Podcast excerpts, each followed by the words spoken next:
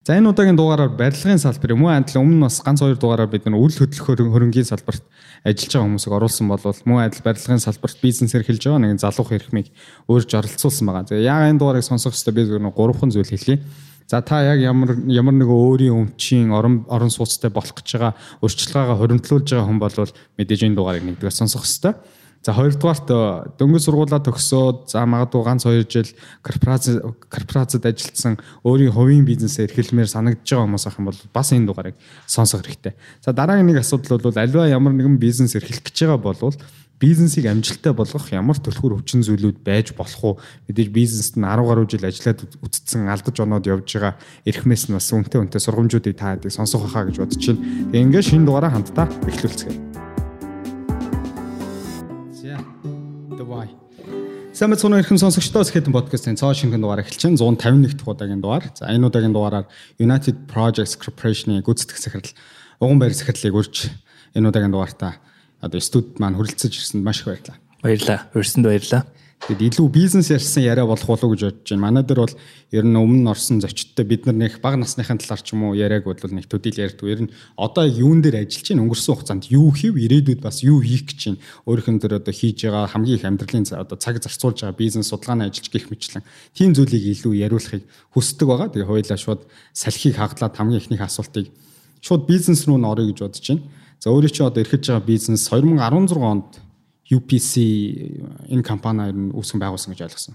Тий, энэ компани ер нь бол нэлээд дээрээс бол бизнес хийж ихэлсэн. Одоо бид хэд бол нэг 12 оноос. Аа тэгээд яг энэ компанийхаа нэр дээр одоо анхныхаа төсөл хөтөлбөрийг хэрэгжүүлээд эхлэх нь бол одоо 15 16 оноос дамжиж эхэлсэн байна.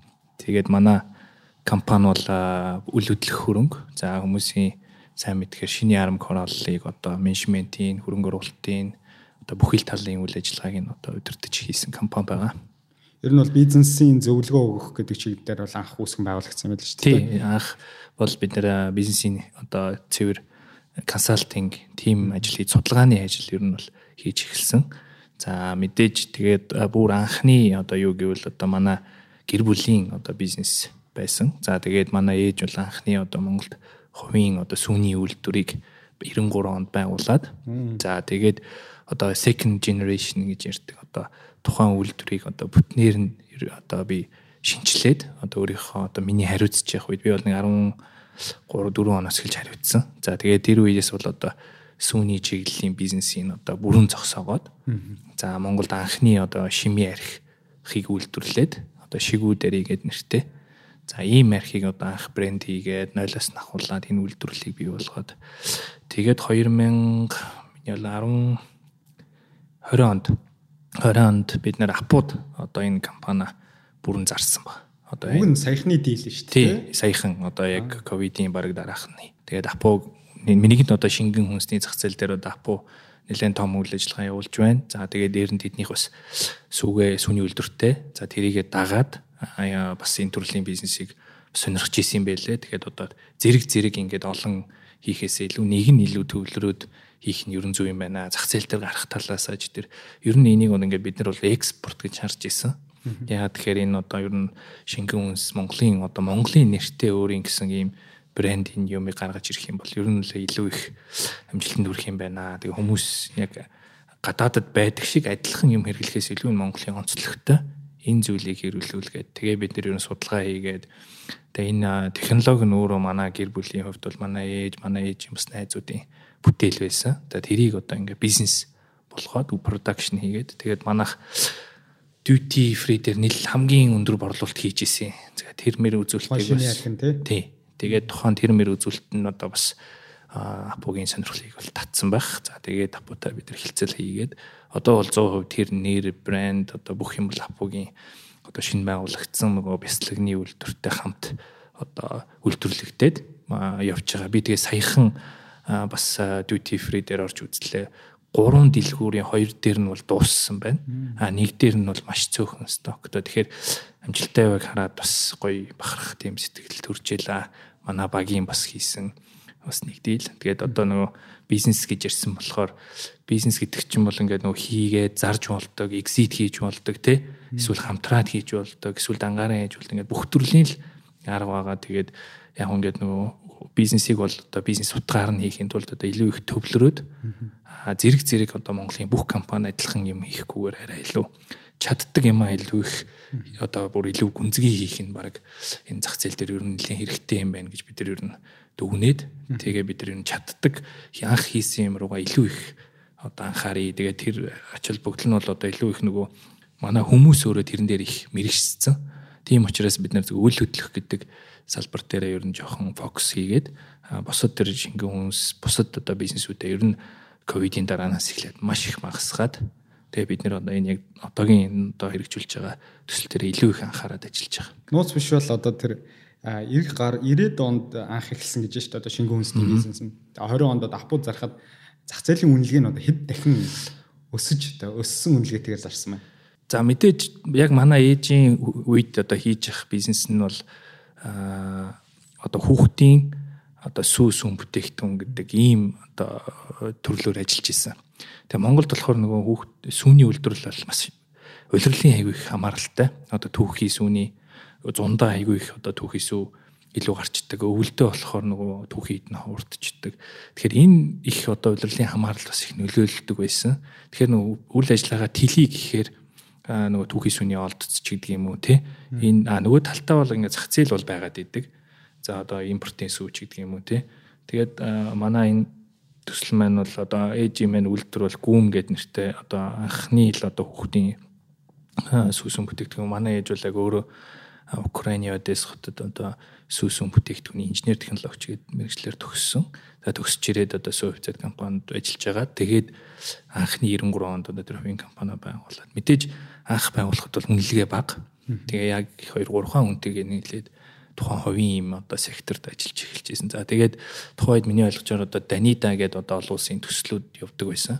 Тэгээд тэр төслийн хүрээнд бас төслийн зээл анх аваад бас үйлдвэрийнхаа яг одоо автоматжуулах ажлуудыг анх эхэлсэн. За тэгээд мэдээж дараагийн банкны зээлүүд аваад за ер нь бол нэлээд өсөлт мэдээж хийсэн. Тэгээд бидний түрүүний хэлсэн нөгөө нэг яг сүү гэдэг юм а зогсооцсон. Учираас одоо бидэд тухайн сүний үйлдвэр байрлаж исэн байрлал одоо газар нь газар нь бол бид нар нэгэнт үйл хөдлөх төсөл хийдэг учраас тэр хэсгийг нь бол бид нар тусад нь үнэлж өөр компани зарсан. Нэгэнт одоо үйл ажиллагаа явуулахгүй нэгэнт тэнд одоо сул газар одоо ингэж байж гэн дэд бүтцтэй байж гэн. Тэгэхээр тухайн одоо объект одоо үлэх хөрөнгө нь одоо хоёр хуваагдсан гэсэн үг. Одоо яг үйлдвэрлэл болоод брэнд нэр өссөн нь бол одоо цоо шин бизнес болж гараад аа нөгөө хэсэг нь болохоор одоо газар дэд бүтцгээд ингэж салаад ер нь хоёр тусдаа үнэлгээ гаргаж ийн гэсэн үг. Ер нь бизнесээ хоёр хувааж ийн л гэсэн үг л дээ компани. За тэгээд үтс юм бол за нэг за 100 дахин л бахта бараг 100 дахин үнэлгээ. Бараг 30 жилийн дотор гэсэн үг шүү дээ. Харахгүй л дээ одоо 30 жилийн өмнө компани анх одоо сая төгрөгтэйгээр л дөрмийн сантай бараг анхны л одоо компаниуд те тэрнээс ч бага хэмжээгээр байгуулагддаг. Тэгээд анхны хөрөнгө оруулалтаа хийдэг. Тэгээд яг нэг энэ компани бол яг өөр өөрө цэвэр нөгөө нэг зах зээл болоод түүхийн эдийн хамаарлаас болоод хит их томорч чадаагүй. Бас хит их ингэж унчаагүй. Яг л Монголд байгаа бизнесийн одоо орчинд л яг чудраг татвараа төлөөл ямар нэгэн одоо төрийн одоо дэмжлэг байхгүй. Яг өөрийнхөө зах зээлийнхаа хэрэгэлт хэрэгцээг дагаал ингээд түүхийн эдийн хомсдлоос болоод яг тэр өөрийнхөө хүчин чадалтай 100% хүрдэггүй ингээд иймэрхүү байдлаар явжилж ирснийг бид нар ер нь бол одоо энэ тэгээд тухайн үед бол одоо яг хоо бид нар бас олон компаниудтай хилцэл хийж исэн. Сүүний үйлдвэрлэлийн чиглэлээр үйл ажиллагаа явуулж байгаа компаниудтай нэгдъя, нийлъя. Эсвэл одоо энэ түүхийн эдийнхаа одоо энэ асуудлыг нийлээж шийдъя тий. Иймэрхүү байдлаар хэлж исэн бол одоо тухайн үед бас маш олон компаниуд ингээ хөрөнгө оруулалт хийгээд эхэлсэн. Тэгэхээр одоо бид нар бас давхар ингээд хийгээд эхлэх нь одоо зах зээл дээр хитрхи их одоо э, одоо нийлүүлэлт гарах юм байна тий. Тэгэхээр бид нар бол тэрийг ер нь бол татаад тэгээд ер нь бол одоо ингээд инновац шингэсэн за шин одоо Монголын одоо энэ шигүүдэрийгээд брендийг нойлоос нь ахуулаад production үйлдвэрлэл брендинг те маркетинг гэд бүх талын хийс. Тэгээ бүх нөгөө сүү тараг юмудаа зогсоос. Тэгээ тухайн үед л зогсоохт бол амаргүй хэцүү байсан л да. Одоо нэгэнд одоо олон жил хэрэгэлсэн хэрэглэгч нартай. Тэгээ нөгөөдөл маань нөгөө нэг бифидо тарагч яасан бэ? Био тарагч яасан бэ? Нөгөө нэг хүүхдийн одоо гоё яарц эдэм эдэм чи яасан бэ? Одоо яагаад ингэ зогсоочж байгаа юм бэ гэд. Тэгээ он чин амаргүй шийдвэр. Тэгтээ одоо мэдээж одоо бол мэдээж ингээ өөр орлого олон бүтээгдэхүүнүүд ингээд маш их сайжраад гараад ирсэн учраас бас зах зээл дээр ингээд тогтоод цаашаа өөр компаниуд хийж байна. А бидний хувьд бол одоо ингээд давхардаж хийхгүй гэдэг үднээс л зогсоож ирсэн. Тийм. Тиймэрхүү яг компани ингээд нөгөө нэг яг л хөгжлийнхөө үе шатны ингээд янз бүрийн зарчимтай шийдвэрийг гаргадаг л да. За тэгээд манайхны бас нэг монголчуудын алдаа бол одоо ингээд энэ бизнес чинь бол одоо ингээд миний үр хөвгч чиг ойлгодог. Тэгэл одоо нөгөө бизнес нь унсан ч гэсэн ингээд авч явах гад байдаг тий. Тэгэхээр энэ дээр ингээд зах зээлээ харах хэрэгтэй. Бусад компаниуд өрсөлдөгч компаниуд бас юу хийж чинь тэрийг бас бид нар судалгаа хийх хэрэгтэй. За мэдээж хэрэглэгч нар бол ирээдүйд бас юу хүсэж чинь тий арай илүү одоо өөр төрлийн өсөж гин гэдэг мэдээж бид нар харах хэрэгтэй.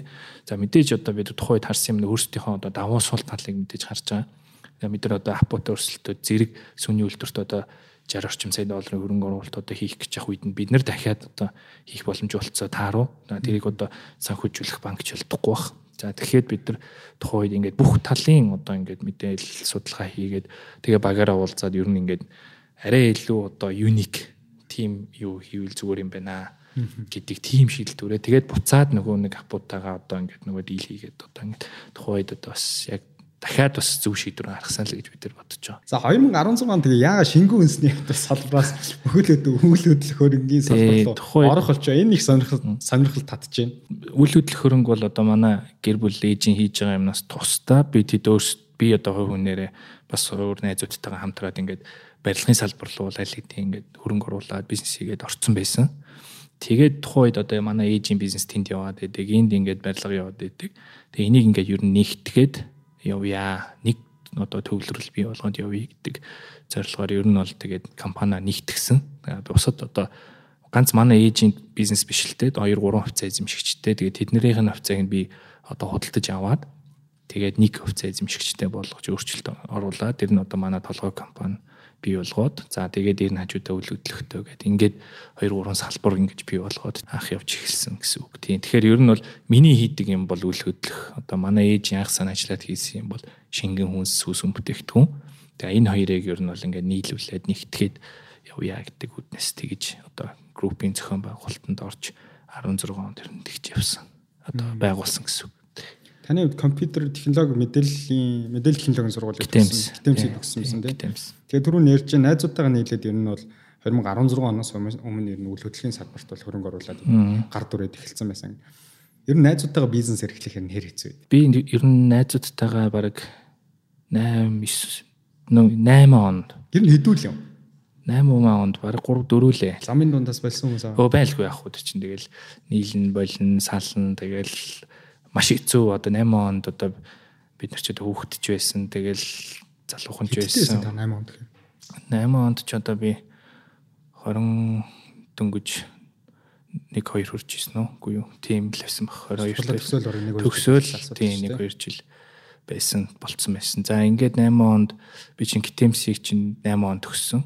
2004 онд элсэд 8 онд төгссөн. Бид нар чинь нөгөө нэг Китэмсд байхад чинь ингээд 3 3.5 жилээр ингээд төгсчдөг. Шахаад шахаад тийм кредитээ цуглуулад тэгээд яг наан бид нар ингээд давхар ажил хийчдэг байсан юм. Тухайн үед одоо тэгээд бид хэд л би бол 7 оноос эхлээд ер нь бол энэ консалтинг юм хийгээд эхэлсэн байсан. Одоо найзуудтайгаа хамтраа зарим өөр бас сургуулаас гадна өөр бас төрлийн бизнес хийдэг одоо эхэлсэн надаас одоо хамаагүй ах мах тийм хүмүүстэй найзлаад ингээд консалтинг төрлийн юм хийгээд судалгаа хийгээд ер нь бол за тэгээ бусад одоо газруудад хэрэгцээтэй одоо мэдээллийг олж өгдөг, судалгаа хийж өгдөг, төслийн бичиж өгдөг, иймэрхүү яг төрлийн л одоо юг одоо их сонирхоод тэгээд хийгээд эхэлсэн байсан. За тэгээд 2010 оноос эхлээд юу нэг идэвхтэй одоо барилгын чиглэлээр одоо хөрөнгө оруулаад үйл ажиллагаа хийгээд ер нь бол анх ингээд барилга гэдэг нь юм байна гэж судалгаа хийгээд ер нь эхэлсэн. За тэгээд олон ч одоо барилгуудад одоо яг тухайн үед бол ингээ хөрөнгө оруулаад ингээ нэр ус гарахгүйгээр ингээд ингээ явдаг байсан. За тэгээд яг анхны томоохон одоо хорооллын үйл ажиллагаа бол 12 оноос эхэлсэн. Тэгээ 12 онд би гадны хөрөнгө оруулагч нартай хамтраад одоо энэ шиний арм гэдэг ийм хорооллын төслийг анх одоо эхэлж исэн. За тэгээд гадны хөрөнгө оруулагч болоод гадны банк санхүүгийн байгууллагаас ер нь бол одоо зээл хөөцөлдөж эхэлсэн. За тухайн үед одоо судалгаа хийгээд тухайд одоо хиттийн экспорт импортын банк Монголд нэг сар орчмын тийм одоо байрлаад Монголын зах зээлийг одоо судлаад Монголд хөрөнгө оруулах боломжийг судалж ирсэн. Тэгэхээр тухайн үед бас Аз таарад тухайн тэр хятадаас энэ томилогдсон багтай нь одоо танилцсан. За тэгээд ах бол зүгээр туслах маягаар танилцсан гэсэн үг. Ямар нэгэн одоо бизнесийн одоо тийм хамтран ажиллах зорилгоор биш. Тэр үйл ажиллагааг бид нар бол дэмжээ туслаад одоо бас таньдаг хүмүүрээ дамжуулаад тэгээд Монголд сар орчин болсон тэр багтай бид нар нэлээд их ойлголцоо. Тэгээд бидний юу хийдэг тухай бас бид нар бас нэлээд мэдээлэл аваа. За бид нар ингээ барилга гэдэг чинь юм байна. Одоо тухайн үед одоо ингээ барилгын салбар бол юм байна гэх. Тэгээд бид хэдүүд бид хэд шинэ ярмаг гэдэг энэ газар байна. Биднэрт энэ хорооллыг барья гэдэг ийм саналыг одоо тавиад тэгээд одоо анхны одоо ажлууд маань тэгж эхэлсэн. Тэгээ яг бодиттой барилгын ажил ихсэн бол 2015 онд. Тийм. Ер нь бол ингээд маш их бүр 0-оос нь л эхэлсэн. 3 жил бол одоо судалгааны ажлыг хийсэн. Тий одоо 3 жил одоо зураг зураг төсөл тий одоо барилгаж анх шууд ингээд барьчаад ингээд дараа нь одоо юу гэдэг төсөл барилгын төсөл чинь өөрөө маш их босод төслүүдийг бодвол их хугацаа зарцуулдаг. Зураг төсөл ихтэл дор хийж жил орчим хугацаа зарцуулна. За зөвшөөрөл гэж ярих юм бол дахиад одоо хэдэн жилээр сунж магадгүй. Тэгээд тухайн үед бид нар 2010 ер нь одоо энэ түрүүний миний одоо өмнөх одоо бас нэг 2 3 одоо найзуудтай хэлдэг байсан юу ч гэсэн бид нар ер нь анх энэ барилга руу анх орсон юу би нөгөө нэг JICA-гийн одоо хот төлөвлөлтийн тэр судалгааны багттай хамтарч ажиллах тийм боломж олцсон. Тэгээд ер нь бол ингээд энэ хот төлөвлөлт барилга гэдэг юм их сонирхолтой юм байна.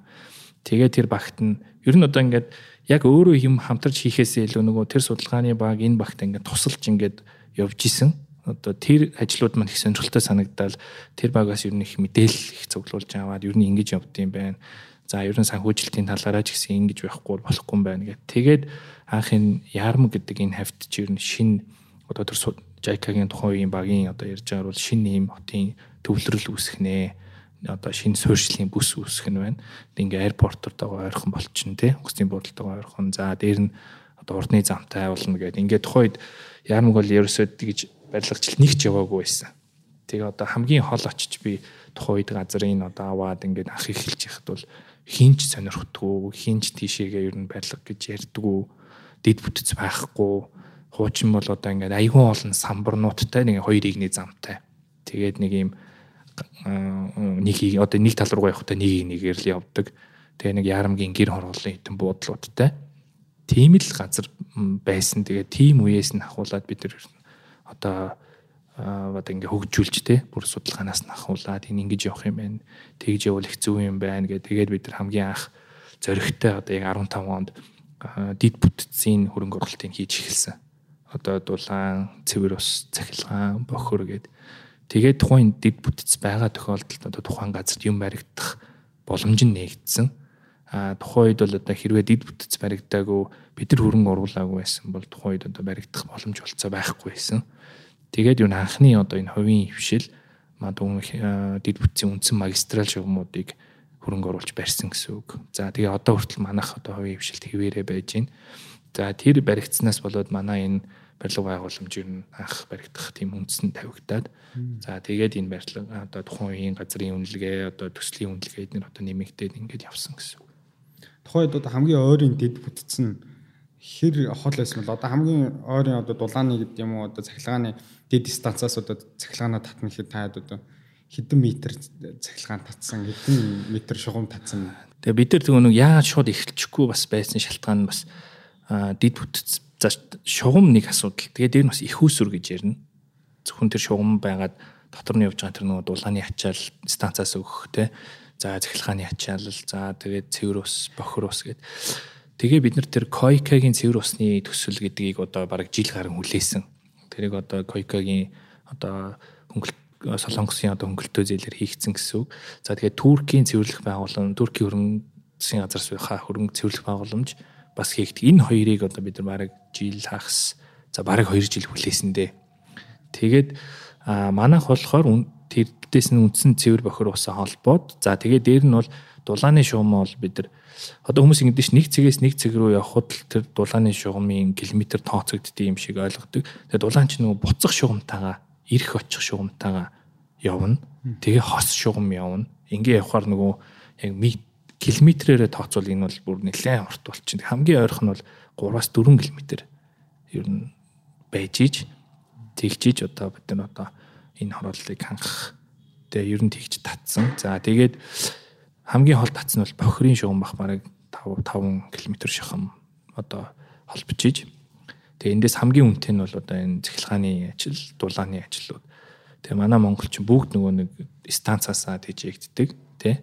Аа койкагийн тэр усан ангууж болоод туркийн тэр цэвэрлэг боломж хоёр бол хоёлаа бие даасан тустай одоо төв цэвэрлэг боломжос тустай гэсэн үг. Тэгээд ер нь тэр хавийн одоо барилгачлалт их явж эхэлсэн. Анх одоо зах зээлийн судалгаа та нь яаж идэв? Одоо чинь шингэн үнсэн дээрсэн дэ мэдээж та зах зээлийн дотооддоо судалт юм хөндлөнгийн компаниас судлалт юм. За энийг бол зах зээлийн өрсөлдөөн харж байгаа. За одоо зараад гарах хэвээр мэнэ гарч ш. Тэгэхээр тухайн үед одоо тийм том эрсдлийг үрээд 2015 он тэ шиний 10 Би одоо тэр дид үтсэн ямар байсан юм сайн санахгүй. За хүн үнэхээр худалдаж авах болов тий зөндөө юм бодно шүү дээ. Ингиж их мөнгө хаяа дид үтс татаад за тэгээ барьчтэй ширэнгөө ой болчих байдаг. Хүмүүс авахгүй бол найшаа бүр ингээд зах руу нүүж ирэхгүй бол яах вэ гэж эрсдэл зөндөө байгаа шүү. Тухайн тэгээд зах зээлийн судалгаа яаж хийсэн бэ та? Дотоодын багаараа хийсэн үү? Одоо зах зээлийн судалгаа хийн. За тэгвэл хамгийн хэцүү юм Монголд одоо ингээд зах зээлийн судалгаа хийхэд төрийн энэ гаргаж байгаа шийдвэр өөрөө тогтвортой биш нэг удаа ингээд хийгдсэн энийг хийн гэсэн одоо бид нар одоо дөрөвний хэлсэн зураг төсөлтөд бүтцээ хийчихэд бид нар бараг 3 жил те одоо судалгаа хийгээ хүлээсэн байдал нь бол одоо ингээд төрийн шийдвэр гаргаж байгаа процессээс хамаарж байгаа. За дээр нь тухайд одоо нэг ипотекийн зээл гэж одоо яг явна явахгүй гээл ямар хэмжээтэй явах нь ойлгомжгүй. Тэгээ бид нар бүр өөрсдөө одоо энэ дээр бас илүү их манлайлал үзүүлж оролцож ажилласан. Тэгээ ипотекийн зээлийн хөтөлбөр Монголд ингээд хэрэгжиж эхлэх юм бол одоо энэ залуучууд байртай болох боломж болцоо нэмэгдэх юм байна. Тэр одоо Монголд одоо ингээд дутагдж байгаа юм байна. За тэгээ дээр нь бид нар мэдээж хотын төвд ингээд аваад байшин барьчвал одоо илүү хялбар одоо хүн авахд ч тэр зах зээлийн эрсдэлж баг тэр. Ингээд хотын төвдөл бариад ах юм бол бид нар одоо ингээд хинч хотын захт очиж амьдрахгүй. Тэгээ бид нар энэ зөрөгтэй энэ шинэ төвлөлт одоо шинэ суурьшлийн бүс гэж үүсэж байгаа юм байна. Тэнт нь очиж бид нар хөрөнгө оруулаад тэгээ анхны бидний одоо ингээд бас гадаад тулсад ингээд очиж харж исэн зүйл бол ингээд хотын гадна одоо ингээд сургуультай, цэцэрлэгтэй, явуултааны төвтэй, ажлын байртай.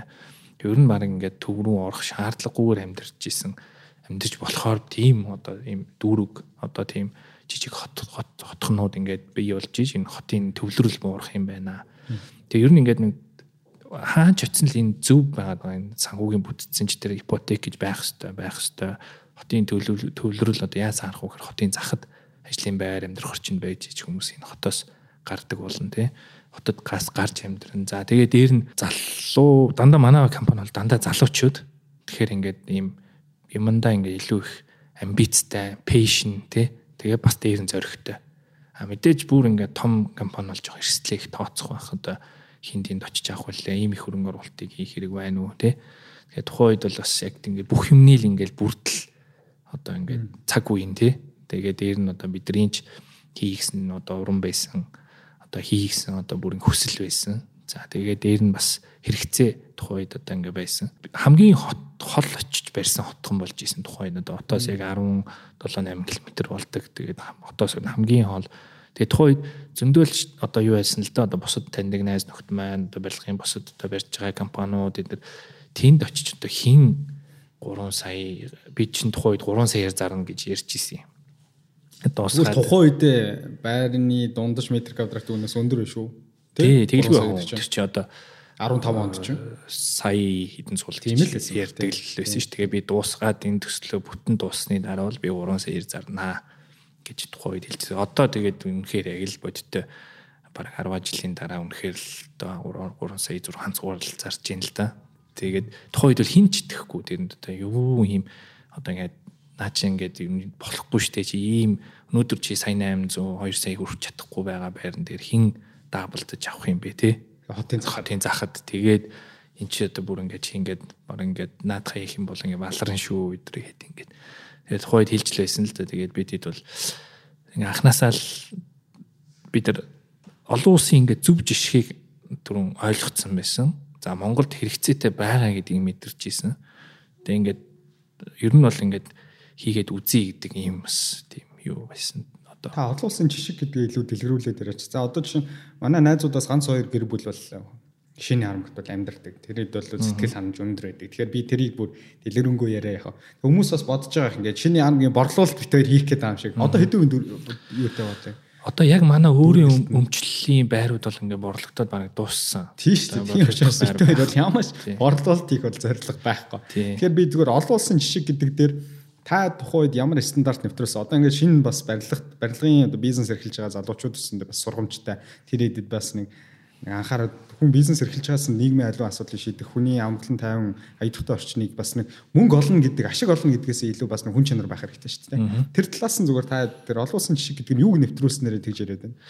За тухайн үед одоо бүр төслийг одоо ингээ анханаас нь зураг төслөөс нь ахуулаад ер нь түрүүний хэлсэн олон улсын хоёр үл хөдлөх болоод энэ төслийн одоо энэ менежмент хийдэг хоёр компанитай бид анх ажиллаж эхэлсэн. CBRE одоо JLL гэдэг дэлхийн алдартай компани. За тухайн үед энэ тухайн компаниудад ирж баг нэрээ зөвлөгөө өгч исэн. За энэ удаа тухайн үеийн хөрөнгө оруулагч болоод банкны одоо шаардлагаар бид энэ компанитай ажилласан. Заавал ажиллах ёстой гэдэг. Тэгээд за дээр нь мэдээж нөгөө тухайн үед ингээд бидний бас нөгөө нэг анх би нөгөө түрүүн хэлсэн шингэн хүнсний бүтээгдэхүүн үйлдвэрлэж яхад бидний бас нөгөө давуу сул талаа их сайн ойлгох хэрэгтэй.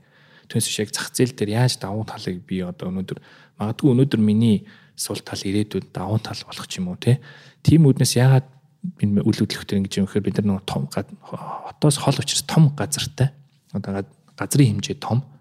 За тэгээд дээр нь бид нар дуртай ингээд төлөвлөлтөө зөв хийж болно. Ягаад тэгэхээр одоо хотын төвд би нэг газар авъя гэвэл ийм том газар надад олдохгүй за тэгээд авсан газар дээр би мэдээж амар үнэтэй одоо газар авах болно за тэгээд дээр нь маш их үн одоо нэгтрал өндөртөө барьжиж би ашиг гаргаж авах болно а тэгээ газараа авчдаг хажууд нь дахиад бас нэг өөр төсөл ямар юм юу хийх гэж байгаа гэдэг нь ойлгомжгүй. Тийм учраас ер нь бид нар энэ хотын захад байж байгаа гэдэг утгаараа эхлээд хүний амьдрах одоо дотор төлөвлөлтөө хийчихэж байгаа. Хамгийн зөв одоо хүний эргономик те амьдрахын төлөвт одоо манай оршин суугчд ингээд амьдрээд яг мэдрээд энэ яг ингээд зөв байна тий ингээ баруун тал руугаа хаалга хонгоон орж ирээд өдөө ингээ 3 цаг наар үзнэ гэдэг ингээ маш олон стандартуудыг бид нар тэгтээ нөгөө нэг 80 м квадратаас доош хэмжээтэй хамгийн бест одоо төлөвлөлт юу байж болох уу гэдэг даалгаврыг өгч бид нар энэ зураг төслийг хийгээд за тэрийгэ байшин болгоод байшингаа хороол болгочихж байгаа.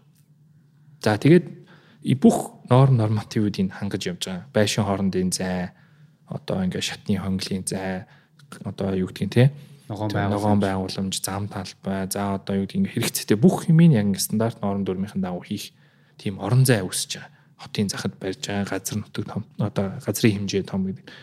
Тийм учраас энэ нөгөө нэг урт хугацаанд энэ нөгөө нэг ингээд зөв төлөвлөөд явчихаар хүмүүс яг ингээд амьдраад эхний ингээд орсон орчин суугчнаар амьдраад сэтгэл ханамж өндөр байгаад ирэхээр ингээд орчин суугчнаар нэг нэгэндээ одоо ингээд гоё байна гэдгээ хэллээд тэгээд дараагийн худалдаа авагч нар орж ирээд бид нар ер нь тэгж зар сурталчилгаа бол ер нь бол хийгээгүй.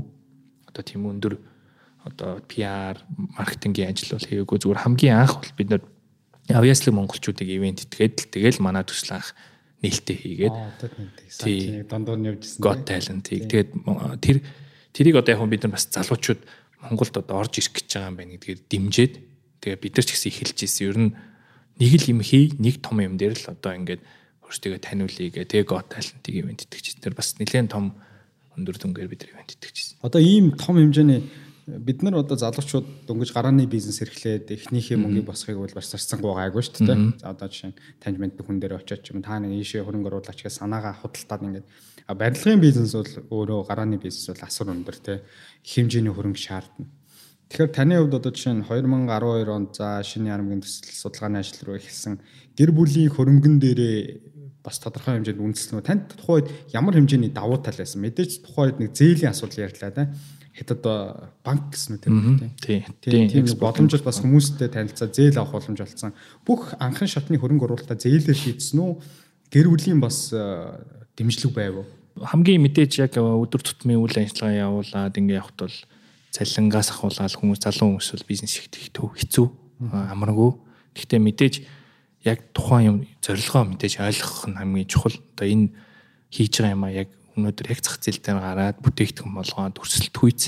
За тэгээд чанартай одоо юу гэдгийг яг хийж чадна гэдэг ихтгэл үнэмшилтэй байх хэрэгтэй. Миний бодлоор бол. За тэгээд Тэрний дараа бол одоо мөнгө хөрөнгө оруулалтыг бол олж болно. За нэгт бол мэдээж seed capital гэж байдаг тийм анхны одоо ингээд жижиг хэмжээний хөрөнгө оруулалтыг бол мэдээж одоо гэр бүл одоо өөрийн хийж байгаа зүйлсээсээ ингээд хөрөнгө оруулна. За тэгээд дээр хөрөнгө оруулалт бол ингээд бүтэн босхгүй а төслийн хөрөнгө оруулалт бол одоо тодорхой хэмжээнд equity гэж байх хэвээр өөрийн хөрөнгө.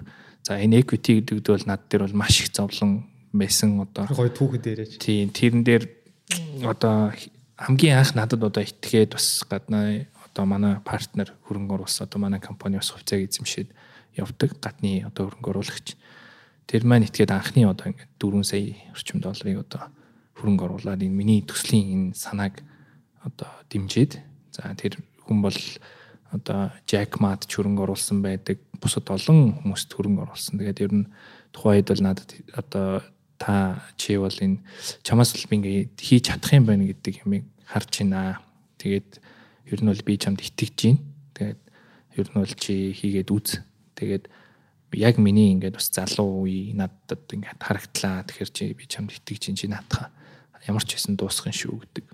Тэгээд анхны одоо ер нь өөрийн хөрөнгөө хөрөнгөө өөрийнхөө хөрөнгөтэйг нийлүүлж ингэж босгоод за ингээд бусад хэсгүүдийг нь бол одоо зээлэр санхүүжүүлээд явсан. За тэр хөрөнгө оруулалт заавал одоо тэр хүн энэ хүн гэдэг яг ямар ч сан одоо Forbes-ийн нэг одоо баян хүн байдаг. За тэгээд тухайн хүн бол тухайн үедээ бас маш олон ийм портфолио хөрөнгө оруулаад тэгээд мэдээж яг эхнийхээ ашгийг бас ингээд хүртээд явж исэн үед нь одоо би танилцаад бас мань таньдаг хүнээрээ дамжуу танилцаад Монголд ураад Монгол төслөө танилцуулаад үзүүлээд ингээд ер нь бол анхны бас томоохон одоо өөрийн хөрөнгө оруулалтын дээр одоо хамтарч ажилласан гэсэн үг.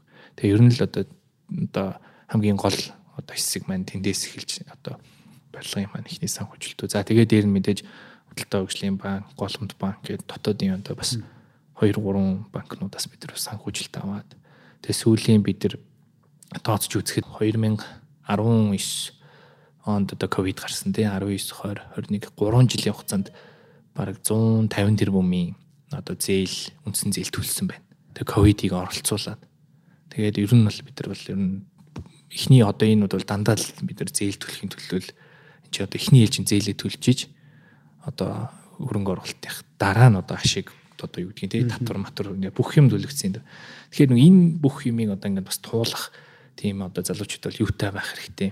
Одоо тууштай байх хэрэгтэй. Энэ дунд бас бүх юм бас сайхан явчаагүй. Тэгэл унах үе байна, босох үе байна, чадахгүй байх үе, шантрах үе байна хэцүү юм тохиолдох юм байна. Тэг ингээд чадахгүй болвол яах вэ гэдэг юм байна тий. Тэгээ ер нь тэгээд яг нөгөө нэг өөрөө хийж байгаа хүн бол илүү их зовдөг. Одоо өөрийнхөө юм хийж байгаа хүн. Тэгээ илүү их зовж байгаа учраас илүү их үр дүн ирдэг. Тэгээ илүү их боломж нээгддэг гэж боддоо шүү дээ. Би яг өөрөө одоо self made хийж байгаа хүн бол а мэдээж яг ингээд би бас залуучууд ингээд хүн нэг компанид ажиллаж байгаа. Мэдээж ингээд энд тэнд ажиллаж байгаа залуучууд байна л да. Тэгээд ихэнхдээ ингээд уулзаад ярахаар ингээд би өөрийнхөө юм хийсэн бол өстой амар цагаа гаргаад ингээд хийх байсан. Одоо би энэ хүний нэгэн тал би одоо энэ компанид ажиллаж байгаа энэ хүний юм хийж байгаа би цалин авч байгаа юм чинь гэдэг юм яриад идэв. Тэгэхээр одоо тэр бол бас ер нь бол би бол зөвлөгөө ингээд залуучууд хийлэхэд бол чи хүний дор ажиллаад тэр компани дээр ажиллаж байгаа эсвэл тэр компани нэг хэсэг болоод ажиллаж байгаа ч гэсэн чи яг өөрийн юм шиг бас ажиллаад үзээ. Тэгээд чи мэдэрнэ тий тухайн удирдлагч чинь чамайг яаж хүлээж авч जैन тий аа тэгээд чамд илүү их боломж бас нээгдэнэ заавал одоо өөрийнхөө юм хийхээрээ л илүү их өөр юмсыг ажиллана. Хин юм шиг одоо тийм одоо бие 100% дайчлах юм шиг юм юм яриад идэгэл да. Тэгэхээр тэр бол бас буруу. Ямар ч хүнд бол боломж байгаа. Тэгэхээр бие одоо яг 100% дайчлах хэрэгтэй. Бүх юмд өөр юмсыг байх хэрэгтэй. Одоо хаана нэг одоо өөрийн хүнтэй хамтраад юм хийсэн ч гэсэн нэг партнертайгаа одоо хоёулаа нийлээд юм хийсэн ч гэсэн эсвэл одоо нэг компани нэг хилтэс нэг газрын одоо ажилтан ч гэсэн яг өөр юмсэг байж иж миний бодлоор бол одоо ингээ үрдүн гардаг хүн үнэлдэг ойлгодог тий За тэгээ түрүүн үлдэг хүн би одоо бид нар бол энэ байрыг бол яг өөрсдөө амьдрах байгаа юм шиг бас барьж байгаа байхгүй. Тэр бас бидний үндсэн одоо соёл философи байсан. Яг өөрөө чи ороод ингээ амьдрах байгаа юм шиг бариа гэдэг энэ одоо би юуг одоо энэ компанийнхаа залуучуудад одоо суулгаж өгсөн гэсэн үг. Тэгээ хамгийн сонирхолтой нь манай компани энэ одоо гол инженер техник ажилчид бүгд өөрөө амьдэрдэг байраа зараад өөрийнхөө одоо энэ шинэ харамгт амьдэрдэг. Тэд нар яагаад тэгэхээр юу хийснээ мэднэ. Ямар материалаар, ямар чанараар те тэр чи яг нэг өөрөө гардаад хийж байгаа юм чи. Тэгээ яг өөр юмсэг та нар өөрсдөө өөрийнхөө гэрийг хүн яаж засаж одоо хүн өөрийнхөө юмд ямар гамтай байдгүй лээ тий. Та нар бусдын өмнө юм хийж байгаа ч гэсэн тэрийг яг өөрийн юм шиг хийх ёстой. Хий тэгчиж та нар бид нэр бүгдээрээ үр дүн авна. Та нарын амьдралч сайжирна, компани сайжирна тий. Ийм маягаар ингээд бүр анханасаа бодлоо ингээд зүв болгоо. Тэгэхгүй бол ингээд дотроо ингээл нэг өөр юм бодоод иж болохгүй л дээ одоо ингээл хийж явахтаа за за энэ ингээд нэг л хүний юм юм чи миний юм биш тий. Би эсвэл энэ захирлын юм эсвэл энэ хувьцаа эзэмшигч юм энэ компани ч ямар надад миний юм биш дээ гэд. Тэгэхээр чи энэ компани ч гэсэн чи яг өөрийн юм гэж ойлгоод тэгээд тэр компани чамайг мэдээж одоо ингээд хүний нөөцийн бодлого юугаараа ингээд loyalty програмын бүх юмараа ингээд чамайг бас ингээд үр дүн гарах юм бол эргээд ингээд урамшуулдаг тогтолцоо тий нэг компани нэг хэсэг учраас чамайг ингэж одоо ингээд нэг хамтарч ойлгож ажиллах хэрэгтэй гэдэг л ийм л юмыг бид нар одоо тэр л одоо манай гол юм юм байна гэж бид нар одоо ойлгож байгаа. Тэгээд ер нь бол яг түрүүний миний хамгийн л гол зарчим баримталдаг юм бол түрүүний хэлээдсэн. Заавал хүний доор ажиллаж хараа одоо хүний юм шиг ажилдаг эсвэл одоо өөрийн юмд ажиллахаараа илүү их өөр юмсэг биш бүхэл юмыг өөр юмсэг ажиллавал ер нь үр дүн гарна гэж боддог. Ер нь бол эзний сэтгэлгээгээр юм тийм хандах хэрэгтэй. Тийм ер нь л яг тийм. Тэгэхгүй одоо ингээл бас барилга дээр гардаг л та одоо одоо ялангуяа нөгөө нэг нийт Монголд бол нийт харагддаг юм бол нөгөө нэг дундын өмчлөлийн юм, нийтийн өмчлөлийн юм, хэний ч өмч биш юм шиг ингээ хаягдцсан юм айгүй их анзаарэгддэг байхгүй юу? Гадна төгчлөлт. Ядчилын замын боржуур эсвэл одоо юу гэдгийг ингээл галхаал гараа явхад зүгээр ингээл хаалганы гаднах нь хүний юм. Аа тэгээ хаалга хаахаараа яг тэр гэрийн юм өөр юм гэж ойлгогддог. Альбан тасалгаач тэр ажлын байрч тэр гэр оронч тэр Тэгэхээр энэ нэг нийтийн эзэмшил, нийтийн өмчлөлийн юмд бас гамтай байхгүй ийм тохиолдлууд бол залуучууд болоод энэ бусад хүмүүст бол аюу их байдаг. Тэгээд тэр чинь бол яг л адилхан кост нь зардал нь ингээ шеэрлэгдээл тэр байгаа property юмыг үнэтэй үн цэнт оруулахын төлөө тэр юм нь заавал байж ийж одоо шийдвэл ашигтай арчилгаатай зөв байж ийж л тэр үр ашиг нь хүртэгдэж байгаа шүү дээ. Тэгэхээр чин манайхан бол ингээд гэрийнхээ ямыг хизээч тэгж эвдэж юм хэлж одоо нурааж те ядчил одоо ингээд шүлсэн хаях одоо юу гэдэг хог хаях те тийм юм гарах гэртээ эзэж хүн тэгж шалан дээрээ шүүн хог хаяхгүй шүү дээ. Тэгтэл одоо энэ тэнд ингээд лифт бодвол орц гараж гадна талбай энэ дээр ингээд бас л адилхан төрөний тэр сэтгэлгээ жоохон тийм өөр байгаад байна уу? Одоо энийг нэг хүн цэвэрлэх хэрэгтэй эсвэл одоо энийг миний юм биш те энэ чи ингээд бусдын нийтийн юм чинь хин тамаатай ингээд. Тэгээ би одоо офс дээр ч гэсэн залуучууд хэлдэг ингээд. Та нар бас тиймэрхүү юм зарим зарим ингээд шинэ авсан ажилчид юун дээр ингээд анзаарэгддэг л та ингээд. Ядчил ингээд нэг одоо та ингээд танаа ингээд офс мос байлаа гэж бодоход ингээд ядчил аягаа ингээд угаахгүй ингээд тавьчдаг те. Эсвэл хин нэг угаах хэвээр эсвэл одоо нэг тэнд нэг хог байвал тэр хайсан юм чинь би хайсан биш гэд ингээд байж идэг те. Тэгэхээр тэр нь чи өөрөмсөг хүн бол аваа те. Хогийн саунд хаяад Тэгээд энэ нэг энийг бас нэгэндээ зөв шаардлага тавиад тэгээд ядч орчин нь цэвэрхэн байвал тий хүн өөрөө ч гэсэн сэтгэл санаа ингээд гоё болоод ингээд л ер нь болтгол доо бид нар ч гэсэн нэг тийм сэтгэх хүүгэл ер нь их жижигхэн хүрээнд ч гэсэн суулгахын ил гэж боддог. Тэгээ одоо бид нэр бол энэ шиний харамгийн борлуулалтын дараах энэ юм дээр бас жоохон суулгах тийм одоо бас ажлуудыг хий гэж бодож байгаа. Тэгээд бусад хорооллуудад ч гэсэн одоо энэ сөөх гэдэг энэ нэг асуудал ер нь бас дараагийн удаа ер нь одоо түрүүний бид нар нөгөө нэг ингээд анх хамгийн хол очоод ингээ хамгийн томоор ингээ барьсан шиг энэ сөөх борлуулалтын дараахын үйлчилгээ гэдгийг ер нь бол бас нэг юм шин шатн аргын гэж ер нь жоохон бодож байгаа. Тэгээ төлөвлөж байгаа. Тэгээ бас түрүүний хэлдгээр ингээ судалж байна. Тэгээ хууль эрх зүйн орчин талаас аж тэр те. Тэгэхгүй бол ингээд сөөх гэд ингээд нэг тэтгэврийн юм хийх хүн ингээд ажилдаг тим байгуулах шиг ойлгоод байдаг юм чинь ингээд бүх хүний аягүй үнэтэй хөрөнгө тэнд явж байгаа Тэгэхээр одоо тэр хөрөнгийн арчилгаа ямар ч хөрөнгийг арчлахгүй болвол тэгэл одоо үнгүүд нь тэгэхээр ер нь энийг ер нь зөв нэг тийм тогтолцоог оруулж ирэх юм байна. Гадаадд бол зөндөө зөв туршлагууд байна. Одоо facility management гэдэг бүр юм төвлөрсөн тэрийг ингээд авч явдаг. Тэгэхээр манай Монголд одоо арай жоохон тэр офисын хэсгүүд дээр бол байгаад энэ тийм үйлчлэгээнүүд одоо цэвэрлэгээ, үйлчлэгээ харуул хамгаалалт яг том хотгон хорооллууд дээр бол одоо яг тогтоогүй байна. Дөнгөж одоо ингээд тогтох шатандаа явж байгааг бид нар харж байгаа. Тэгээд тэрэн дээр бид нар дараагийн бас бизнес юм байна гэж хараад манай Green Property гэдэг бид нар охин компани байгуулад 3 4 жил одоо ажиллаж байна. Тэгээд одоо судалж байна. Яг дангаараа яг нэг хүн хийчдэг юм шиг чинь хуулийн хүрээнд сая хэрэгтэй болно. Тэгээ сөөх гэдэг чи одоо удирдах зөвлөлтөө, удирдах зөвлөл нь бас ингээд дээрээ удирдах зөвлөлтөө гэдэг ингээд бас засаглалын хувьд арай өөр болчиход байгаа. Тэрийг одоо бас яаж илүү коммершил болгох уу те? Яаж илүү их болохгүй байвал сольждаг те? Одоо оршин суугчд нийлээд чадахгүй болохгүй байгаа юм ингээд зөв засаглалтай шаардлага тавиа сольждаг юм байж болох уу гэдэргээд бид нар одоо судалгааны шитэн байгаа. Тэр ярилцж байгаа. Энд хоёлаа хууль эрх зүйн орчны талаар ярилцсан учраас шударгал хуулиар энэ Монгол одоо бизнес эрхлэх тэр юм төвхтэй юм ээ. За зөндөө асуудлууд байгаа. Тэгэхээр төвхтэй юм гэхээр би хэтэрхий ерөнхий асуулт асуучлаа. Ер нь бизнес эрхлэхэд хүндрэлтэй, сорилттой асуудлууд нь яг юу вэ? За бизнес мэдээж бизнес болгон өөр өөрийн одоо харьяалагдах одоо газрууд гэж байна тий банкны бизнес бол одоо ингээ Монгол банкнаас хараа хяналттай тий за цэглэн одоо өрн телефон гэх юм бол одоо харилцаа холбооны зохицуулах ороо гэнэ тэгээ аягүй сонин одоо бид нар энэ хийсэн салбарынхаа хэмжээнд л мэдээж ярих нь зөв бахалтай. Тэгээд барилгын салбар дээр ингэхээр бид нар би одоо яг ажилуулж гин. Тэгээд ажилуулж гин хүмүүсээ ингээ ажилуулад тэн дээр ингээ судалж байгаа. Тэгээд жишээлбэл бараг давтагдсан тоогоор 2500-аас илүү гарын үсэг цуглуулж гин. Барилгыг анх одоо бариад төслийг бүр ингээ хүлээлгэж хүлээлгэж үе шат хүртлээ. Хүлээлгэж өгчөөд хүртэл гарын үсэг цуглуулж байгаа шүү дээ. Бид нар чи одоо контор гээл одоо ашиглалтын байгуул. Арай үгүй л үү 2500. Үнэн үнэн. Зөвшөөрлийн асуудал байдаг л те эхнийх нь. За.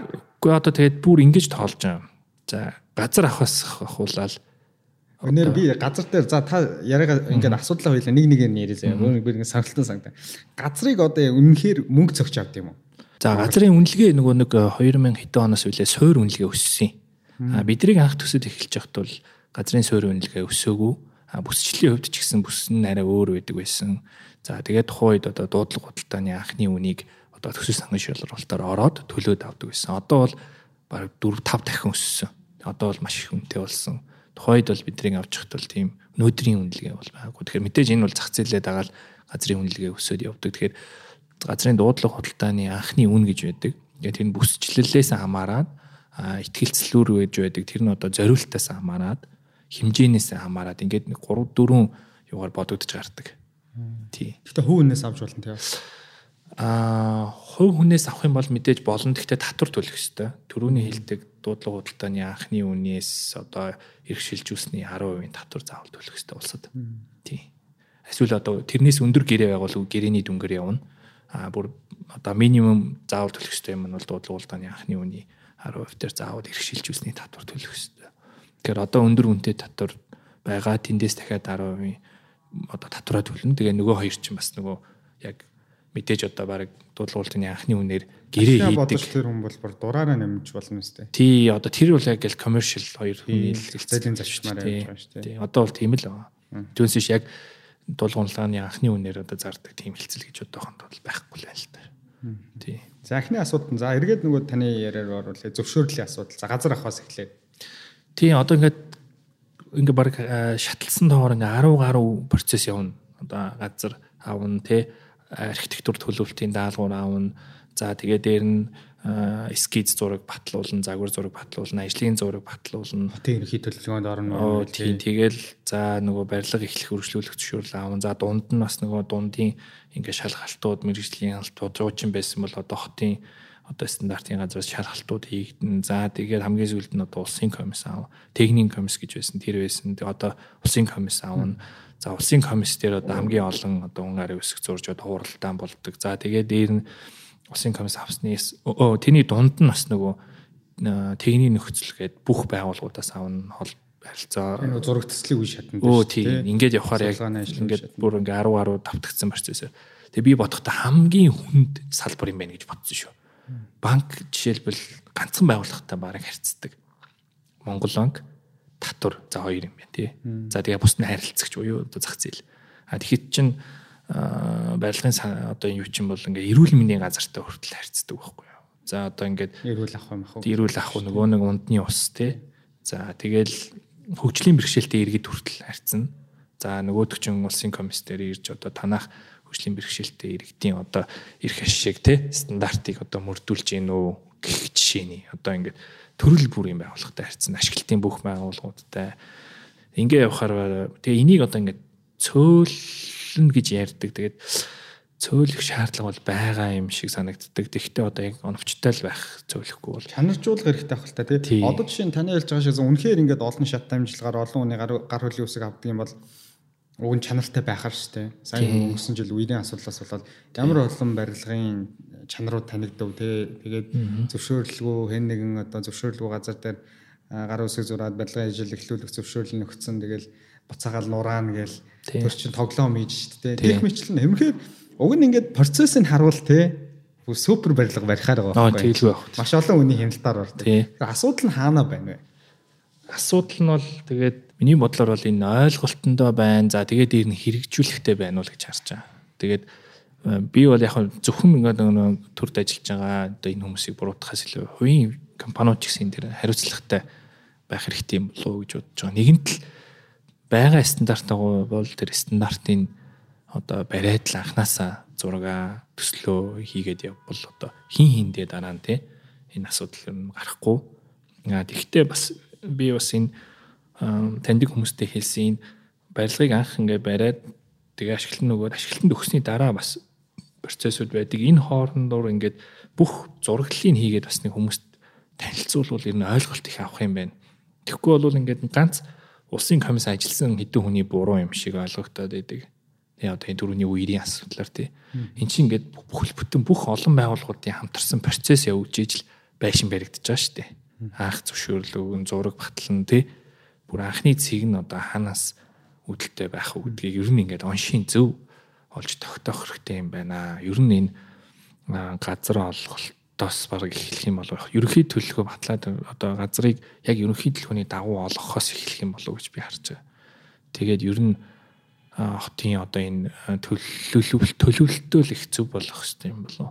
Тэгээд дараа нь ингээд зам тавих газар олддгоо, сургууль барих газар олддгоо, цэцэрлэг барих газар олддгоо Тэгээ мэдээж хувийн хвшил бол одоо яг л энэ зах зээлийн ийм олон одоо энэ өндөр хүүтэй, өндөр татвартай, тэгээд энэ зардал байн өсөж байгаа ийм үед бол тэгэл тодорхой мэдээж ашиг гаргахын төлөө л ажиллана.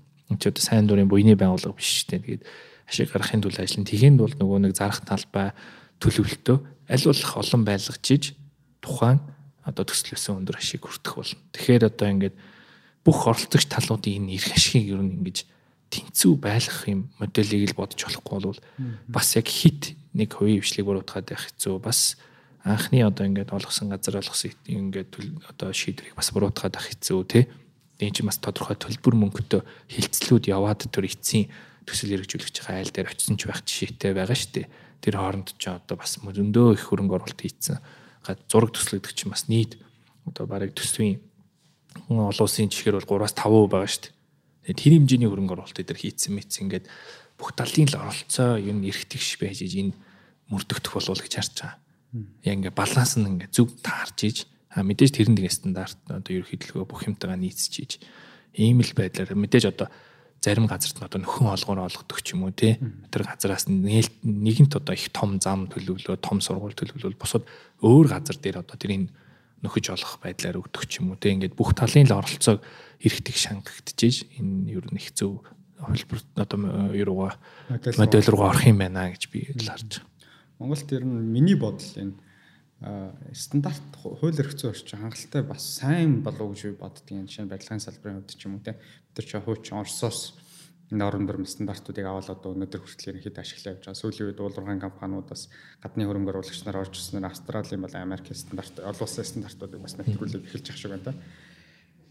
Бидэд гол нь нөгөө стандартал таны хэлж байгаа шиг хувийн байгууллагууд ч дээр стандарт нь цаасан дээр сайхан хараар бичсэн байгаа гэдэг. Гол нь мөрдүүлэх тал дээр жоохон дөлмөг байж магадгүй. Хоёрдугаарт эргээд нөгөө хяналтын процесс нь жоохон алдагдаад идэг байх л гэж боддог. Бусдаар байгаад идэг те. Чи гаргаад ирээгүүл ингээд нэг норм дөрөв юм цаасан дөрөв гадаад. Тэгээ чи яга энийг мөрдүүлээгүй юм бэ гэхээр нэг хянах хэвээр хүн хянаагүй ч. Харин үзээгүйгээр гар үсэг зурцсан ч юм уу тийм асуудал. Ер нь яг тэр нөгөө нэг ингээд нэг өдөр хэрэгжүүлэх биш. Байнгын хэрэгжүүлэх ёстой л зүйл байхгүй юу? Түрүүний тэр чинь уг нь төслийн удирдлагын гол зүйл. Тийм, ерөөсөө гол тогтолцоо чинь л тэр нэг өдөр энийг нэг удаа санаад айгуу сайн хийчдэг зүйл биш. Энийг ингээд өдөр тутамдаа бүх үйл ажиллагаанда байнгын контрол хийж удирдах энэ төслийн зөв одоо удирдлагын тогтолцоо бий болж байгаа. Мэдээж төслийн удирдлагын тогтолцоо олон юмнаас хамаарна шүү дээ. Чанарын тогтолцоо тий. За одоо нөгөө хугацааны хяналт. За тэгээ дээр нь зардлын хяналт гэдэг ингээд хэсэг хэсгээр ингээд бүлэг болоод явдаг шүү дээ. Тэгэхээр ингээд байнгын өдөр тутамдаа энийг яг ингээд мөрдлөг болгож ийж, дадлан болгож ийж тэгээд тэр стандартууд мөрдөгдөн. А түүнээс биш яг ингээд зөвхөн комист орохдоо зөвхөн зураг зурхтаа тэрийг хардаг биш те. Эсвэл мөрддөг биш. Ийм юм байлуул гэж байгаад байна шүү дээ. Ер нь бодоод тахт ингээд нэг жижиг юмнаас л харагдт юм да. Одоо ингээд бид нар галын стандарт гэдээ ярьдаг. Э, тэгэн гут байх ёстой стандартыг бид хийдэг. Хийхээс өөр арга байхгүй. Тэгээ онцгой байдлага эдгээр бол энэ улсын барилга хүлээж авах төрөөс нэлээд өндөр шаардлага тавьдаг.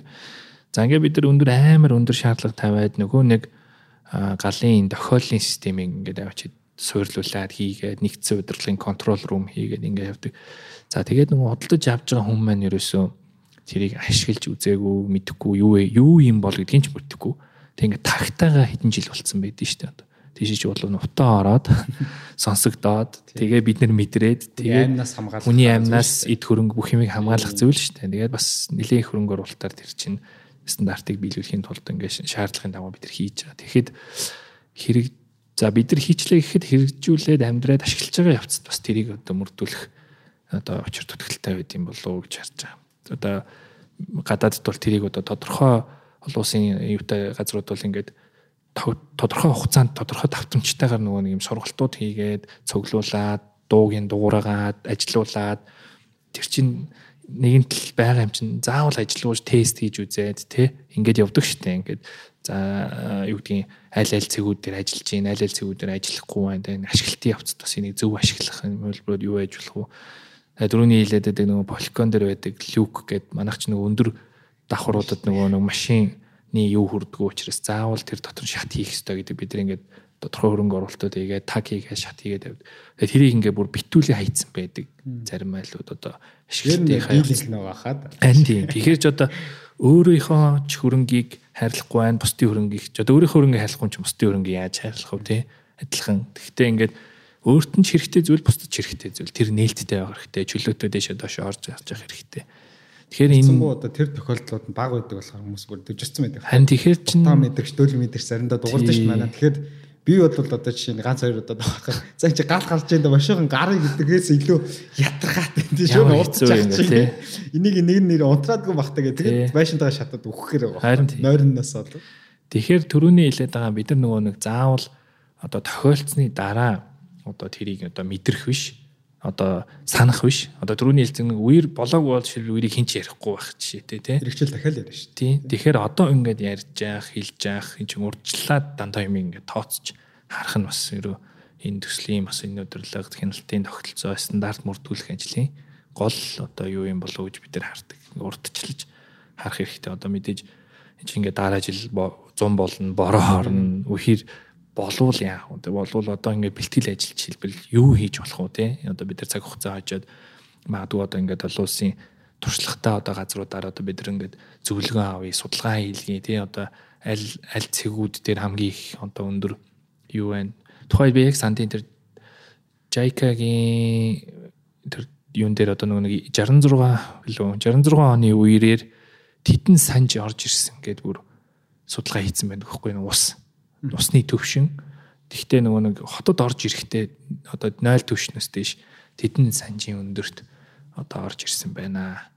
Гих жишээний тий. Тэгэхээр одоо тэр мэр зүйлийг ч гэсэн бид нар ингээд цуглуулад тэр өмнөх датагаа ч гэсэн ингээд судлаад одоо ирээдүйд бас одоо бид нар яг одоо байгаа дээрээ яг бүгдийг нураач чадахгүйгаас хойш яг яаж зөв байлгаж алдаагаа засч болох уу гэдэг ямиг одоо ялангуяа энэ өвөл одоо энэ цагтаа нартаа тий боломжтой байгаа дээрээ хийх хэрэгтэй юм бол ер нь хийх хэрэгтэй л доо. Тэгээ тэгж хийх хэрэгтэй юм болов уу гэж бодож байна. Таныг нэр олон улсын одоо туршлагатай хүмүүсийг оруулж ирээд тэр ажлуудыг судалгааны ажлыг хийлгий гэснээс ер нь Монголд нэг ийм хандлага байгаа гэдэг. Та одоо залуу хүн юу юу гэж боддог. Бас залуу залуу энэ сургуулаа төгсөөл бизнес руу орсон хүний хувьд. Одоо би бол нэг ингээд Монголд ботох болохгүй байгаа янз бүрийн асуудлуудыг ч юм уу Монгол инженерүүд ч юм уу Монгол залуучууд бол баг хийх төвшөнд бол очсон гэж боддог байхгүй.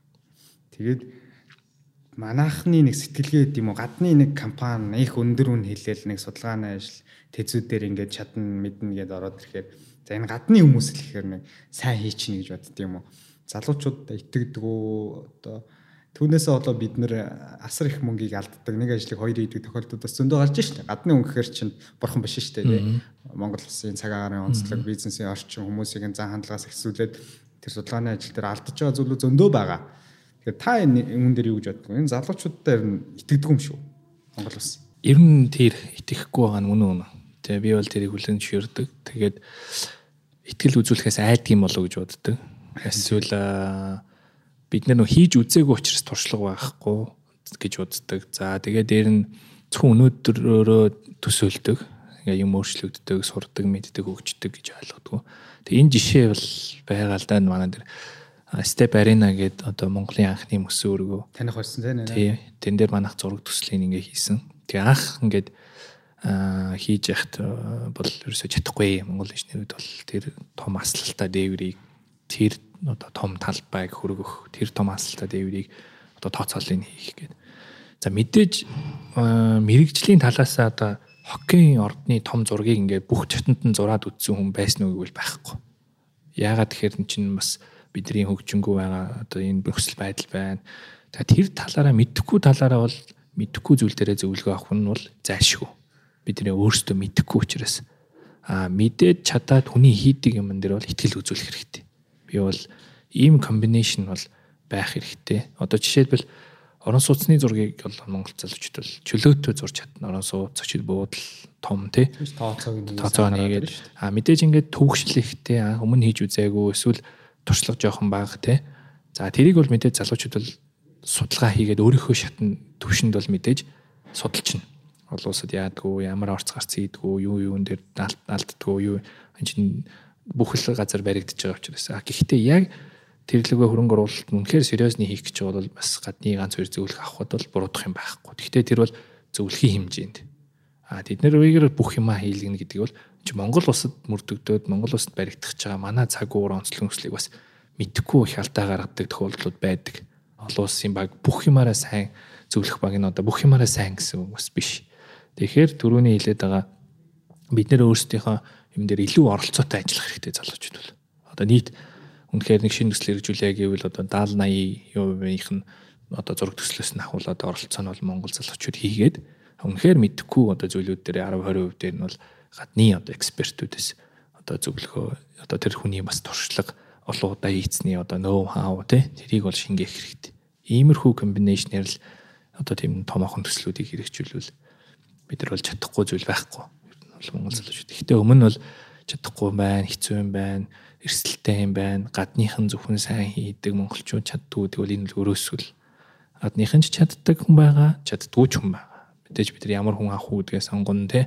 Гэхдээ илүү их Монгол залуучуудаараа Монголд байгаа залуучуудаараа хийлгээд бид нэр өөрсдөө хийж эн чинь бас суралцсан чаддсан байх гэдгийг үнэлэмж гарна, үнэлэгдэнэ. Одоо ингээд Монгол манай энэ зураг төслийг хийсэн энэ Астепараныгийн залуучууд дахиад нэг арена бариххэд барайлах шүү дээ. Дэлхийн хаанч бид нар чадах болчихж байгаа байхгүй. Бид ийм зургаар, ийм архитектураар, ийм зураг төслөөр, ийм хөдөн нөхцөлд, ийм зам бас халдаг, ийм цаг ууртаад барьсан учраас бид нар халуунд ч халуун газар очиж барьж чадна хүүтэн газар очиж барьж чадна.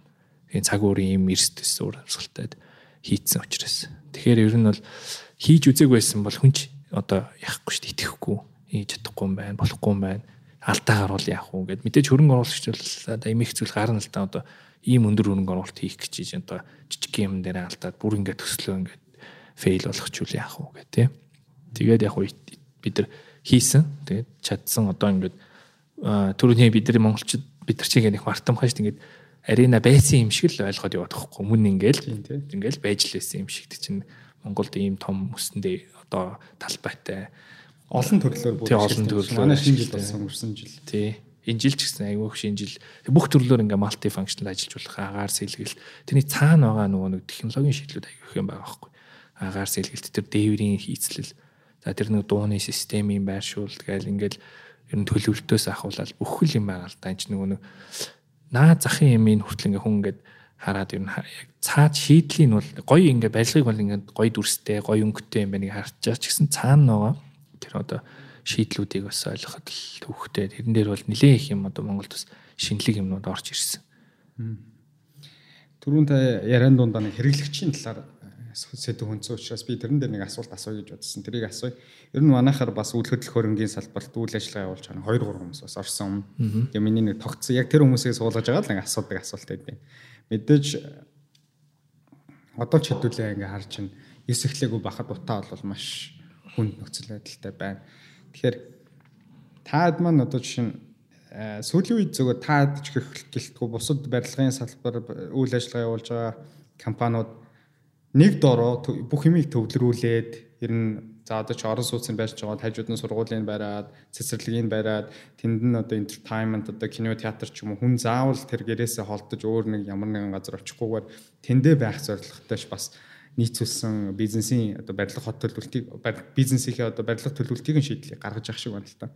Та хэдэлсэндээ шинэ арга төсөд бол мэдээж бас хэрэглэгч нараа ер нь тэнд нь л байлгын хотын төв рүү ер нь. Хэрвээ ажил нь тэнд нь байдаг бол төвлөрийг төвлөрүүлэх гэсэн зорилготой анх хийсэн баг.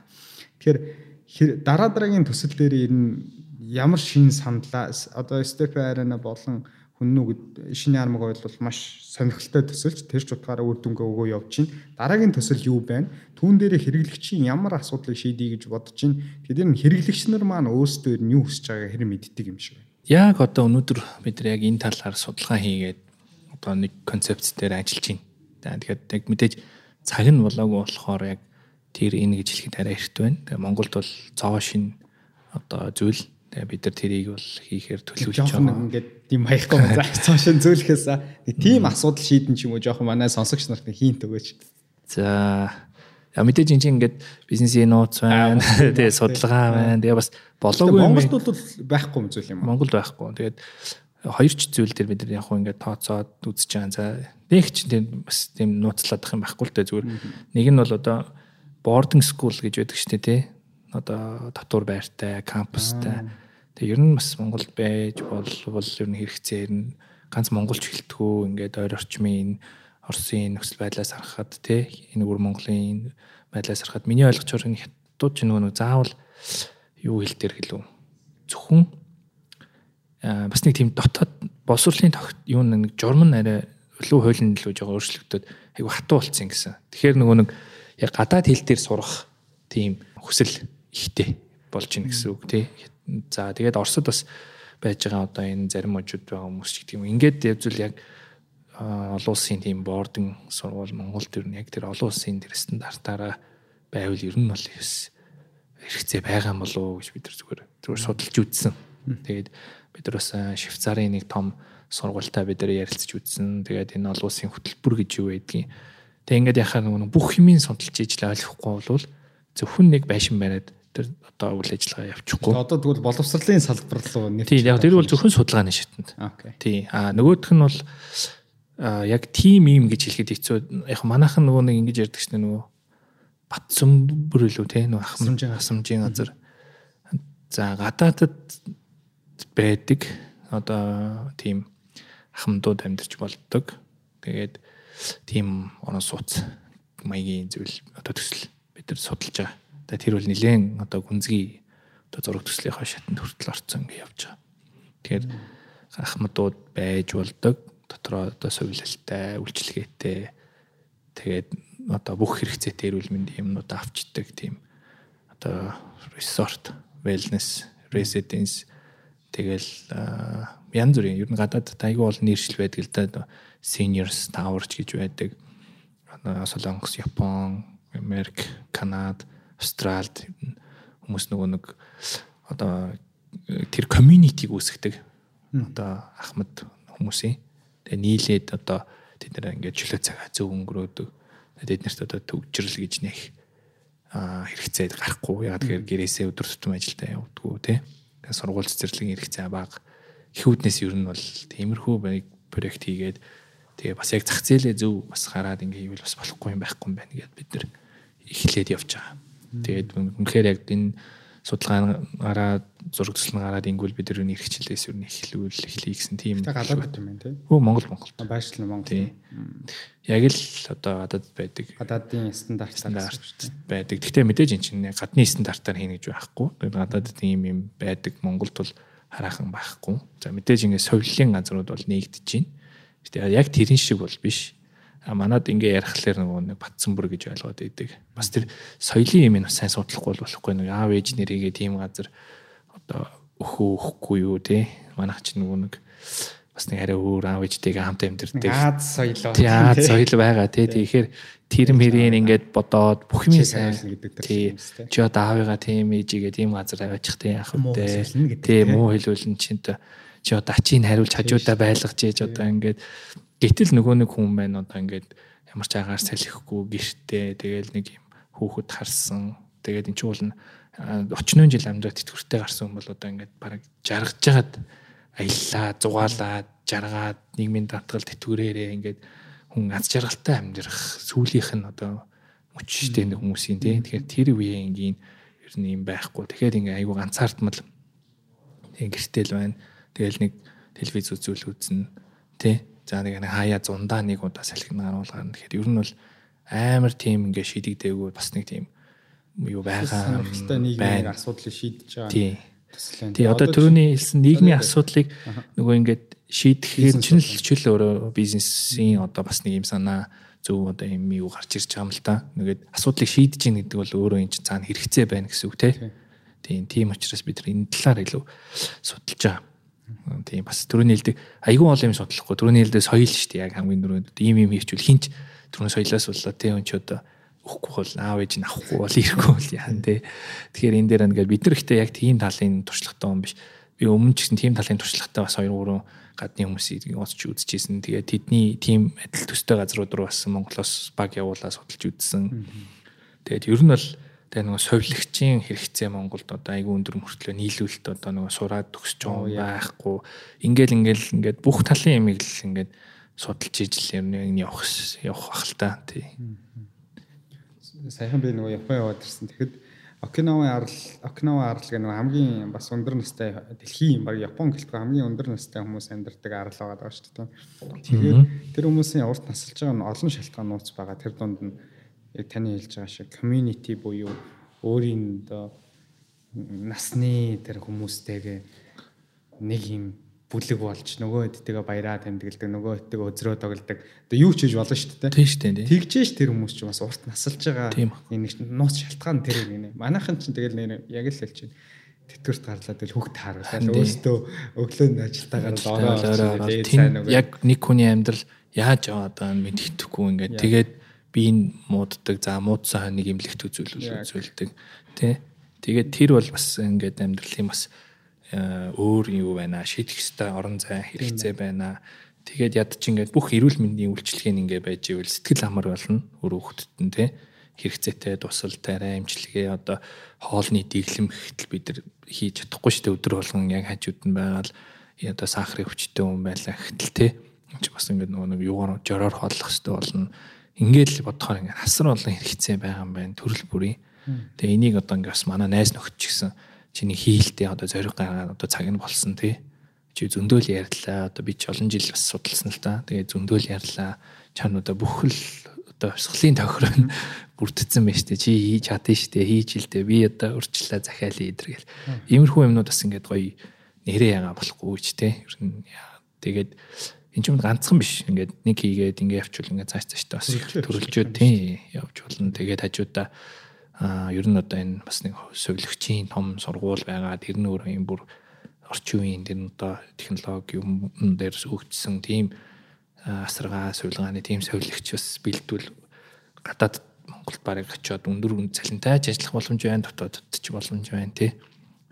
Зүрхний ингээд ингээд эрэлт түрүүний хэрэгцээ нийгмийн асуудлыг шийдэх өстой өндөр байгаа хаа. Манайх нэг ардын анхын ухаан гэдэг бас боломжтой байна. Нэрийг Ингээл ашиглаад. хашаа совлол гээл тэг ингээл бүх юм ингээд нөөцүүд нь байгаа тийм аа, хослуулаад заавал нэг гадны ингээд бүгдийг хуулж авчираад ингээд адилхан юм хийчихгүй. Мэдээж ингээд өөрийнхөө газар нутгийн онцлог те ийм түүдэн цагууртай за зун юм халдаг за тэгээ Монголын энэ бас нөгөө нэг хоолны бүтцүүд бас арай өөр те энэ чинь дан Европ хоол гэдэг тийм тийм хоолоор энэ чинь яахгүй те ингээд хоолыг хүртэл ингээд шийдтсэн заавал гэрх гэрхтээ тэр хөшчүүл хоол игээд ах шаардлагагүй бид нэр ингээд ингээд иймэрхүү маягаар бид нар түр бодож төсөөлөөд ер нь бол ингээд концепцийн шатанд гаргаад явж байгаа. Тэгээд энийг бол ер нь бол хийх нь цаг нь бол ер нь болж ийн хий.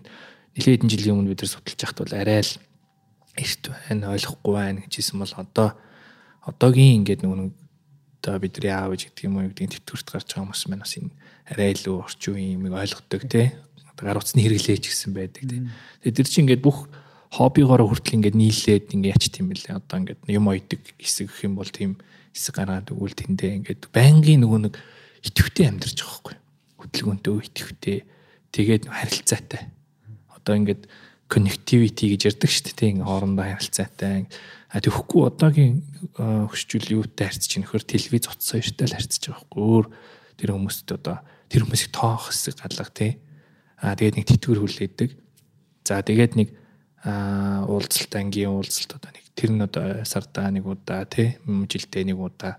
За тэгэл бусад үед нь бол тэгэл гэрт тэгээд тэр чинь ингээд ганцаар л юу гэл ингээд айгүй олон юмнууд а проблемууд одоо бүх л газар байгаа л та бүх л хүнд байдаг юм байл. Тэгээд бид нар бас нэг юм нэг фокус группээр ингээд байгуулж байгаа төрөл бүрийн хүмүүс оруулаад ингээд судалж үзсэн, brainstorm хийж үзсэн.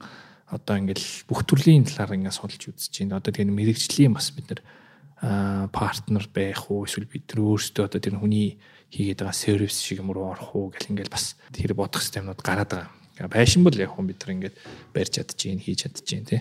Гэхдээ тэр сервис дээр нь бид нар ч одоо бас фейл болчвол яг хөө тий ингээд нэг ярддаг шигээ ингээд хийж чадахгүй бол яг бид нар мэдэхгүй юм хийж үзээгүй тий. Тэгээд тэрийг одоо бүр ингээд хийдэг хийж болох болон хамгийн ойрхон хийх боломжтой газруудтай бас ярилцч үзье гэл иймэрхүү байдалтай байна. За ярианыхаа төгсгөл хэсэг рүү оръё. Тэгээд э, төгсгөл хэсэгтээ би илүү үл хөдлөх хөрөнгийн хүнийг өрссөн учраас бас манай сонсогч нар э, энэ талын энэ талын асуултуудыг илүү сонирхож байгаа болов уу гэж бодож байна. Сүүлийн үеийн шинэ үе залуучууд за 2000 оноос хойш гэж яриад байгаа.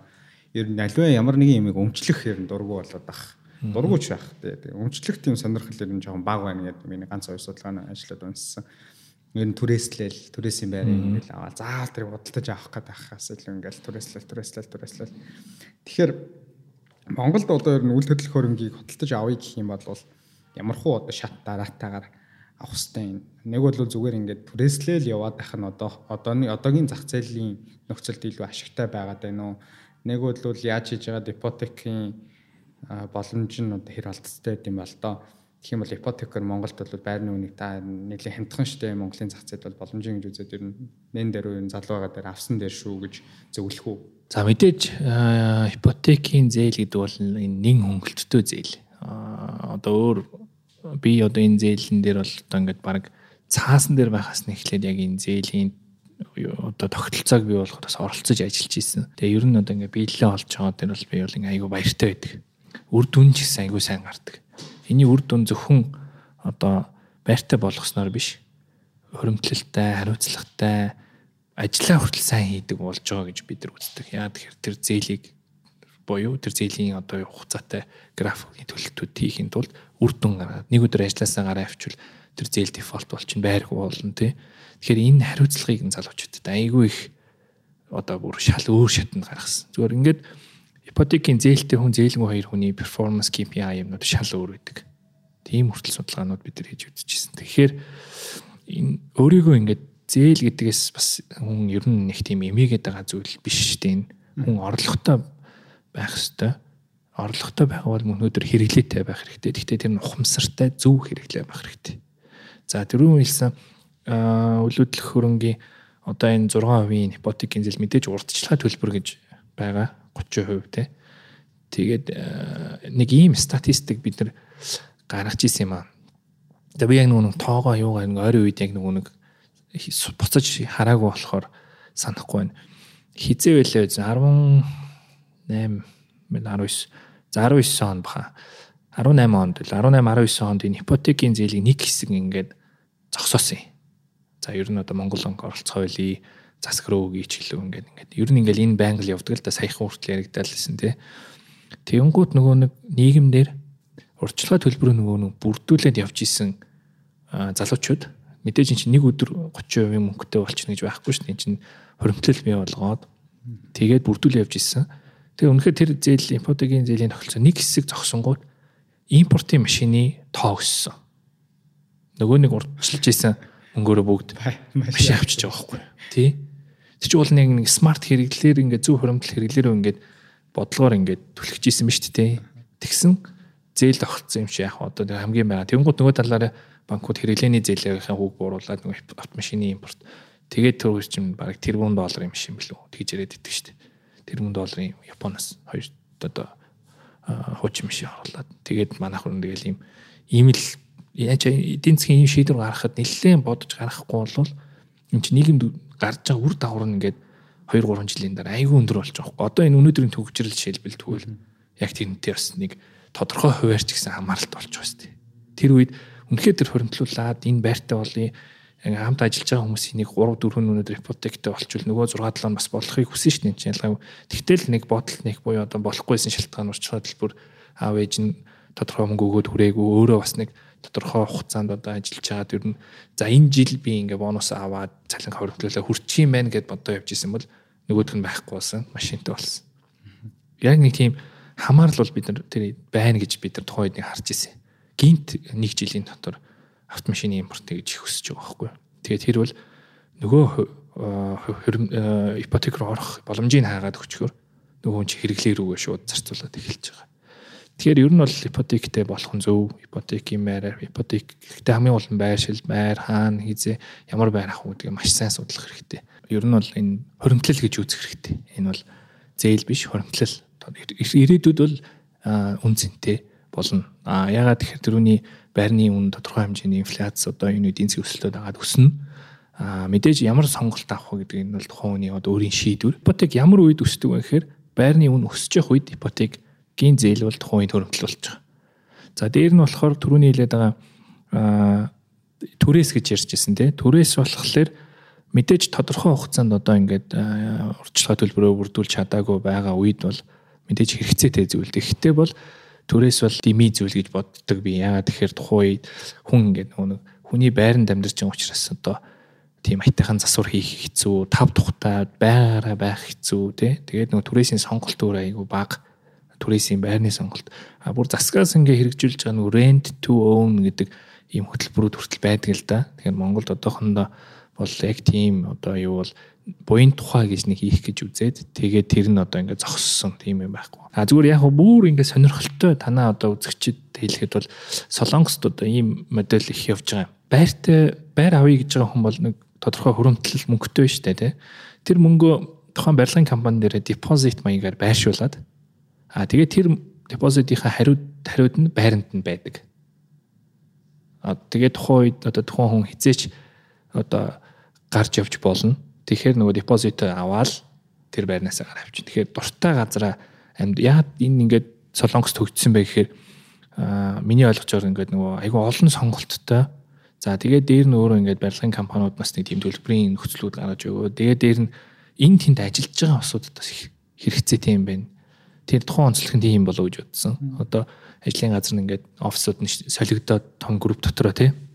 Өөр өөр хотуудад өөр өөр төслүүд гэдэг юм уу? Одоо өөр газар очлоо эсвэл өөр дүүрэгт амьдралаа ч гэдэг юм уу те тэглээ гэхэд ч одоо нөгөө нэг яг нөгөө үндсэн одоо тухайн хоримтлал нь бол байж л байна. Тэрийг одоо барилгын компаниуд одоо девелопер дээр очиод барьцаа болгоод одоо депозит болгож байршуулаад тэрнийхээ одоо return юм уу хүүн хүүн юм уу те тэрэн дээрээ одоо одоо тооцоо хийж үздэг л ахaltaа тэгээд тийм модель бол бас яа янз бүрийн ийм айтайхан модельуд бол байна л да. Гэхдээ түрүүний хэлдэг хэрэглэгч биш компани бизнес хийж байгаа юм илүү их нөгөө нэг урчилж харж иймэрхүү төлбөрийн уян хатан ийм нөхцлүүдийг бас гаргаж ирвэл илүү их сонирхох бах залуучууд. Гэхдээ яг сегментээ зөв оноод яг залуучуудад зориулсан тий тиймэрхүү байдлаар бас сонирхуул ер нь бол хэрэгцээтэй юм байна. А тэгээд бидний бас нэг боддог юм бол юу гэхээр зөвхөн орон сууц биш. Одоо залуучуудад зориулсан ажлын байрыг ингээд нэмэгдүүлэх тийм ипотек байж болно штэ гэж боддог. Яагаад тэгэхээр одоо залуучууд дандаа self employed те одоо ингээ өөрөө студидтэй өөрийн гэсэн одоо контенттэй өөрийн гэсэн одоо мөнгө олдог юм хэрэгсэлтэй хувийн тэгээд хүнээс хараад бус. За тэгээд өөрөө өөрийнхөө хангалттай аваад явчих хэмжээтэй. Тэгээд өөрөө өөрөөр одоо ингээд ажиллаж байгаа дээрээ бас ингээ бас нэг тодорхой амжилт гаргаж байгаа юм юмнууд бас гардаг л та тэгээд бид нар тийм юмд бас зориулаад манайх шинэ ярамг дээр ингээд small office home office гэдэг дээрээ ингээ амьдарч болдог доороо ажиллаж болдог Тэгэхээр хүнд нөгөө нэг байр аавна гэж нэг санаа зовоол. Ажлын байр хаана офис авах уу гэж санаа зовоол биш. Нэг дор ингээд бас шийдсэн ийм хөлбөрийг гаргаад ихч тест хийж үзээд эхний хэдэн байруудыг зарж үзсэн бол амжилттай явсан. Тэгээд тэр бас ер нь ирээдүйд одоо энэ ялангуяа энэ ковидын дараа эдгээр нөгөө энэ програм хийдэг тий app develop хийдэг. За тэгэл дизайн хийдэг. Ер нь төрөл бүрийн ингээд ингээ өөрөө өөрийнхөө мэддэг чаддаг юм илүү их хийдэг. Энэ залуучуудад илүү их хувийн тийм нэг ихний капитал буюу тэр компани босгоход нь илүү их ном одоо accelerator буюу ингээд дэмжлэг болох юм болов уу гэж бас бодож байгаа. Тэгээд тэрэн дээр бас шинэлэг тийм юм аргуул мэдээж тэр залуучуудад тийм амар өндөр шилэн офис бол хэрэггүй мэдээж тухтай тухтай офис байх хэрэгтэй тий. За тэгээд дээр нь бас гэр хэрэгтэй амьдрах байр хэрэгтэй ч гэдэг юм. Тэгэхээр нөгөө зайнаас үл хамааран ажил нь явж идэг тийм а одоо бизнес одоо гэдэг их стартап хийж байгаа залуучуудтай бол тиймэрхүү модель бас байвал ирээдүйд бол бас хэрэгцээтэй юм байна гэж бид нар харсан. Бол өстой гоё шийдэл шүү дээ. Хүмүүс ч одоо зүгээр дундын офстол суугаад байна шүү дээ. Дундын офс чинь нэг скерттэй аль болгоо байх совор шүү дээ. Одоо тиймэрхүү офисын шийдлүүд ч гэсэн бас гарч байгаа. Тэр бас бас л их ойтайхан гоё модель шүү дээ. WeWork гэдэг дэлхийд дээр одоо бас нэлээд том shared office хийгээ. Тэгээд тэрийг ингээд залуучуудад шеэрлээд ингээд түрээслэгдээ явдаг. Тэгээ Монгол ч гэсэн нэг тийм том гоё WeWork шиг офис байвал бас хэрэгцээтэй гоё болох бах. Тэгээд ер нь ингээд түрүүний хэлээд байгаа яг л асуудлыг ингээд ирээдүг харсан, гэтээ асуудлыг шийдсэн иймэрхүү одоо шийдлүүдийг гаргаж ирж байгаа нь өөрөө ингээд бас бизнесийн шин. Гэхдээ одоо түрүүний ковидын дараа бүх юм өөрчлөгдөж байгаа. Ингээд нэг хэв маягийн одоо байдаг нь одоо ер нь бол жоохон тийм хөвшмөл юугаа бол солихгүй бол бизнес бол бас жоохон хэцүү хүнд болох юм байна гэдгийг бол ойлгосон энэ компаниуд. Миний одоо сүүлд нөгөө нэг Сингапур бол нэг тодорхой хугацаанд нөгөө нэг том resort буудлуудаа бүгдийг совлил болгосон юм билээ ковидын дараа. Яагаад тэгж нэгэн гут чинь нөгөө өрөөний дүүргэл байхгүй, жуулчлах хэрэгцээ байхгүй. Тэнгуут чинь ямар хэрэгцээ байна вэ гэхээр түрүүний ковидын дараа нөгөө нэг rehab буюу нөхөн сэргийг хийн нэмчлэгээ бол хэрэгцээтэй болсон. Тэгээд имлгүүд нь дүүрсэн. Тэнгууд энийг одоо ингээд бизнес agile management гэж байгаа. Ингээд маш хурдтай хөрвөх шийдвэр гарт. Тэгэхгүйгээр ингээд бид нар л resort бид нар л 5 хоттой буудал зөвхөн жуулч аавна гэж суугаад байвал тэгэл одоо орлогогүй болвол бизнес нь өндрөл явах нь шүү дээ. Тэгэл засгийн ч гэсэн дэрэн дээр нь айгүй уян хатаа ажилласан гэж би ойлгосон. Ингээд хурдан хурдан ажиллаад тодорхой бас нэг юм үр дүнгууд гаргах. Тэгэхээр яг энэ нөхцөл байдлыг айгүй зөв дүгнээ тухайн үед ингээд шийдвэр гаргаад бизнесийн зарим зүйлүүдийг бол ингээд жоохон хөрвөх уян хатан байх тий нэг хөвшмөл юунаас салах тийм юм руу орсон юм болов орох хэвтэй юм болов гэж бид нар бол дүгнэж ирээдүйд бол тий тэр одоо ковидын өмнөх үеэс хойш байрны үн чинь баг 2 3 дахин нэг заа нэг 2 дахин нэмэгдлээ шүү дээ метр квадрат зарим хэсэгтээ. Тэгэхээр танах үнэ нэмэг хүмүүд та түрүү нэг анх одоо би метр квадрат 3 саяар зарнаа гэдээ баг 2012 онд судалгааны ажил нь эхэлж явах үед дэгжсэн Одоо одоо хамгийн сүүлийн үн хэдтэй метр квадрат танаа. Сүүлд ер нь ингээ борлуулалт дуус хүртэл бид нар ингээд тодорхой хугацаа өгөөд манай барилгын компаниуд бусад юмнууд компаниуд яаж ийм вэхээр нэмсэн гэд нэмснийхэн дараа нь хэрэглэгч мэдээд байгаа. Тэ нөө боломж нь алдагдаад байгаа байхгүй юу? Одоо нэмэгдсэн юм уу гэдэг. Тэгэхээр бид нар болохоор тодорхой юм үе шаттай 2 3 удаа нэмсэн. За одоо яг тэгэхээр шууд нэмээ хийчихээр нөгөө нэг гэрээлх гээд сонирхоод урьдчилан төлбөрөөр бүрдүүлээ явж исэн хүмүүс ч нөгөө машин авчдаг машин авч. Тэгэхээр тодорхой цаг хугацааг өгөөд за одоо тэдэн сарын тэдэн хүртэл та байраа аваарэ. Тэгэх юм бол хуучин үнээр авнаа. Тэрний дараа шинэ үнийн бодлого явнаа гэд бүр зарлаад хугацаатай өдөртөө. Энэ угаасаа нэмэгдэхээс өөр харахгүй. Яагаад тэгэхээр барилгын үн маань өөрөө доллартай ингээд харьцуулах юм бол ерөөсөө доллараараа бол өсөөгүй. Та ингээд ханшийн одоо өрсөлт одоо юунаас хамаарат. А энэ барилгын материал, тээврийн зардал, ажил хүчний зардал бол бүгд өсөж байгаа. Яа тэгэхээр чинь гадаад байлгатар хийж байгаа. Тийм. Ихэнх нь гадаад байлгатар. Тэгэхээр бид нар бол маржинаа өсгөөгүй. Энд дээр ингээ ашиг болох гээд маржин нэмээгүй. А аль болох бид нар бага маржинтай мөртлөө ихтэй бид нар үнэ нөх хэрэглэгчдэд одоо хөрөхүйц үнэ ийм бодлого баримтлах зорилгоор тэр өртөг өсөж байгаа зарим хэсэг дээрээ л нэмэгдүүлж яасан. Гэхдээ бид нар нөгөө нэг тодорхойн хэлсэн 2 3 үе шаттайгаараа манай одоо барилга одоо бараг ингээд 99% борлогдоод дууссан. Тэгэхээр энэ хооронд бол бид нар дийлэх борлуулалтаа хийсний дараа сүүлийн хэсэг сонголтууд дээр бид нар тодорхой хэрэглэгчдэд боломж өгөөд тухайн хэрэгч нь одоо тухайн хугацаанд бас мэдээж маргааш гэж ярихгүй шүү дээ. Энд чинь тодорхой нөгөө банкны процесс явж байгаа, гэрээлэх гэж байгаа. За тэгээд дээр нь урьдчилгаа төлбөрөө бүрдүүлж байгаа гэдэг ингээд дотроо судалгаа хийгээд тухайн хэрэгч нартай тодорхой хугацаа өгөөд тэрний дараагаар нэмсэн. Тэгээд тэр нэмэгдсийн дараа бас сонин судалгаа харахад бол тэр сонирхож исэн хүмүүс их дийлэнх нь нөгөө байрандаа ороод тухайн хүчүүнээрээ байрандаа ороод ингээд компани happy, худалдаа авагч happy иймэрхүү бас шийдлүүдийг бид нар бас гаргаж хийсэн л тэгээд тодорхой бас ирээдүйд ч гэсэн бас бид нар одоо нэг ийм бас юмыг бодох хэрэгтэй юм шиг санагддаг. Ингээд үн мэдээж ингээд тодорхой юмыг илэрхийлдэг те. Одоо чанарыг одоо юу гэлээ гэхдээ мэдээж ингээд тодорхой цаана ингээд бизнес боловсрол хүртөхтэй босдог юм. Аливаа зардал одоо юм бүтээгдэхүүн өртгөөр бий болдог.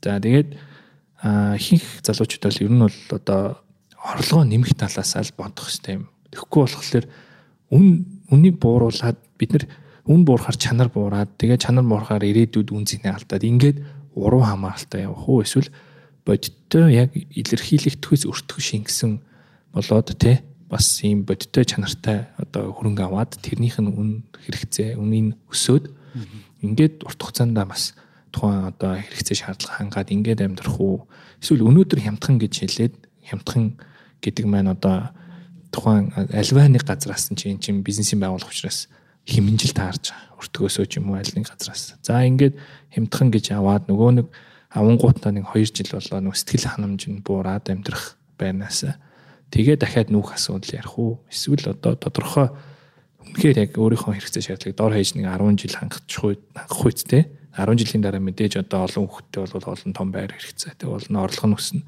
Тэр хэрэгцээг хангахгүй шийд одоо байрыг сонгох уу гэдэг сайн бодож л ер нь бол шийдэх хэрэгтэй юм байна гэж бид нар ер нь бол тэгж л худалдаа. Ер нь худалдаа авахчтай ингээд зөвлөж хэлж ойлгуулж ижил ер нь айгүй сайн мэдээлэл юу авт юм бэ? Тэгвэл өөрсдөө нь юу өсөж байгааг мэдэхгүй байгаа шүү дээ. Тэгэхээр нөө нэг манайх ингээ хямдхан авъя гэдэг эсвэл нэг юм урамшуул зарсны дараа авъя, бонус юу авъя. Тэд нар бол ингээл нэг маркетингийн л ер нь бол аргууд шүү дээ. Эцсийн дүндээ тэгэл зардлаар л бий болж байгаа шүү дээ. Гэхдээ бидний түрүүний хийсэн хэрэгжүүлсэн тэр барилгын салбар дээр тодорхой хугацаанд тэр хүмүүсийн бас хоримтлалыг бид нар ингээд өөр юм зарцуулчихъя гэж бодоагүй. Дээр нь бас тэр тухайн хүмүүст нөө зээл олох боломж нь бас нөө банкуд дээр гарах процесс нь явж исэн учраас ер нь энэ хүмүүс одоо бас нэгэнт хариуцлагатай гэрээ байгуулсан бас цуцлаад ингээ явахаар бас олон асуудлууд үүснэ тий. Яг компани бол ашигаа бодвол цуцлал маргааш нь та ингээд энэ байранд амьдсангүй та өөр байраа манах нэмэгдсэн. Тэг хинч мдэг байхад нэмчих юм бол одоо хин бидний одоо тэр нөгөө хоримтлалыг одоо ашиглаж идэр байртай болох уу тий. Тэгэхээр бид нар тодорхой нэг боломж олгосон гэсэн үг л дээ. Тэг мэдээж өртөг бол нэмэгдсэн. Гэхдээ манайх энэ бүрс нутагтаа хамгийн бага нэмсэн баха. Надад бол тэгж танилцуулж исэн. Хамгийн бага нэмсэн. Гэхдээ тодорхой төрөний энэ аргууд маркетинг болоод энэ борлуулалтын одоо хамтын ажиллагааг хөдөлтөө өгчтэйгээ хийсний дараагаар одоо үнэ зарлж байгаад нэмсэн тийм.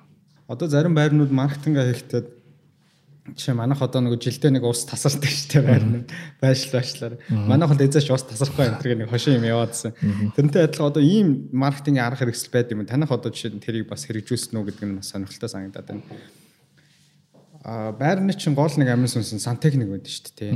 Орсны дараа яг 1 2 сар за магадгүй жилийн дараа яг асуудлууд нь гарч ирдэг сантехникийн материалуудыг хямдхан материалаар хийцэн байдаг. Тэгэхээр нэг амьдарч үзээд за доор хаяж нэг авах гэж байгаа байраа сар амьдарч үзээд сантехник нь яаж юм за өвөл бол бүр үнэхээр халж гин үү те халаалт хөтөн байна сөөх рүүгээ байн гомдлоод байдаг. Тэрнтэй адилхан тэр мэд амьдарч үзээд тэр мэдрэмжийг аваад худалдаа авалт хийх боломж нь хэр байд юм бол та. Мэдээж асуудал зөндөл байгаа. Монголчууд бас тэрэнд бас дасаагүй байгаа ба. Тийм мэдээж нөгөө нэг э, бид нар бас нэг тийм юм хийж үзсэн одоо машиныг нөгөө нэг тест драйв хийгээд худалдаж авдаг шүү дээ. Үнэхээр гоё машин байна. Би унжид чинь боломж юм байна тий. Тиймэрхүү байдлаар бид нар ер нь худалдан авахч нартай тийм санал болгоод тэгээд одоо жүжигчийн ундармаатай хамтраад таны 3 хоног манай одоо байран дээр амьдраад үзгээд тэгээд ингээд амьдраад үзүүлээд ингээд нэг нэг яг өөрийн ингээд тий амьдарч байгаа туршлагыг бас хүмүүст ингээд үзүүлээ. Тэгээд яг хүн чи хэрэглээд үзээд тий тэгээд яг өөрөө ингээд нэг филинг ингээд мэдрэмж аваад ингээд ийм байна, тийм байна гэдэг юу бол мэдээж амжилттай явсан л да. Гэхдээ одоо үнэхээр тэр бол тодорхой бас ингээд нэг юм хэрэглэгчдтэйгээ тодорхой гэрээний нөхцөлн дээр эсвэл одоо яг үнэхээр сонирхож байгаа худалдан авч нартай бол амьдраад үзүүлэх тэгээд болохгүй зүйл байхгүй. Энэ чинь одоо яагаад болохгүй гэдэг чи өөрийнх нь орох гэж байгаа. Гэтэ мэдээж амьдарч үзнэ гэхээр одоо яг манайх бол одоо тухайн үед бас нэг нэлээд олон шоурумууд бид нар байгуулсан байсан. Тэгээ тэрэндээ бид нар амьдруулж үзчихсэн.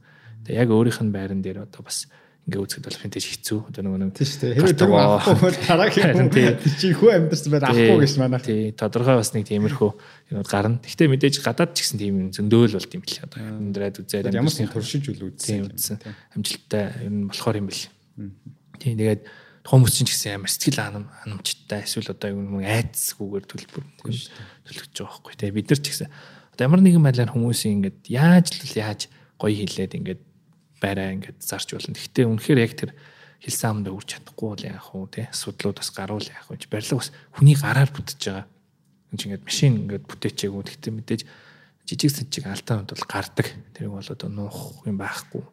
Агаар сэлгэл салхивч сан цахилгаан гэдэг ингээд. Гэхдээ тэрийг ингээд нөгөө нэг юм түрүүний анхны миний хэлсэн нэг юм өөрөмсөг хүмүүс бүрдүүлсэн учраас тэрийг ингээд засаад явъя гэсэн одоо бодолтой. Тэгэхээр ингээд арчлий, тордий, засъя.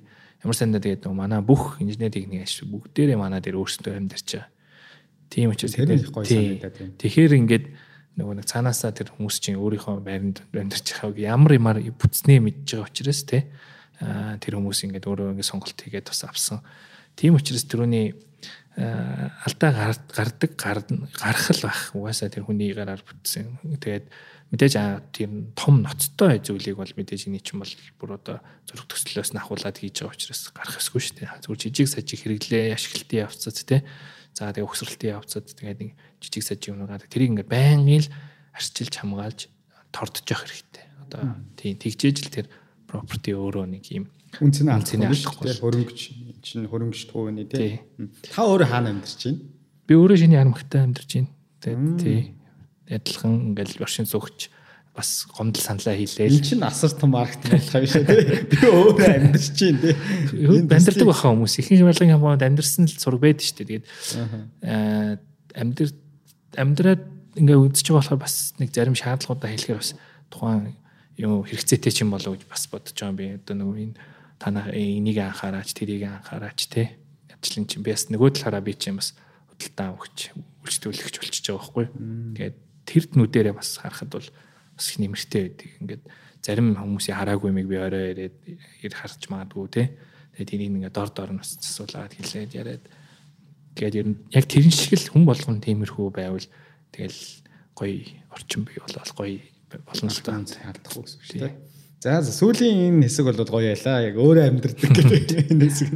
За баярлалаа огноо захирал. Тэгээд цаг гаргаж манай студид ш манай хамт олонтой бараг цаг 30 минут хоёлаа бараг болж байгаа хаа.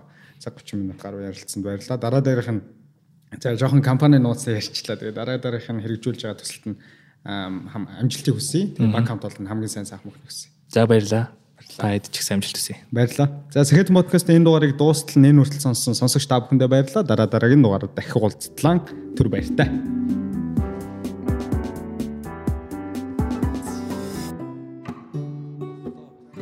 За энэ удаагийн дугаарыг цаг дуустал нь одоо яг энэ аудио дугаарыг сонссон эрхэм сонсогч нартаа маш их баярлалаа. Тэгээд үргэлж аудио сонсогч нартаа тусдан зориулж бүр ингээд интро аутро бол бэлгүүнээ битээр хийдэг байгаа. Тэгээ энэ дугаарыг сонссон бол таалагдсан бол өөр манай скетний одоо Instagram хуудас дээр та меншн хийгээд ошоо олон шеэр хийгээрэй.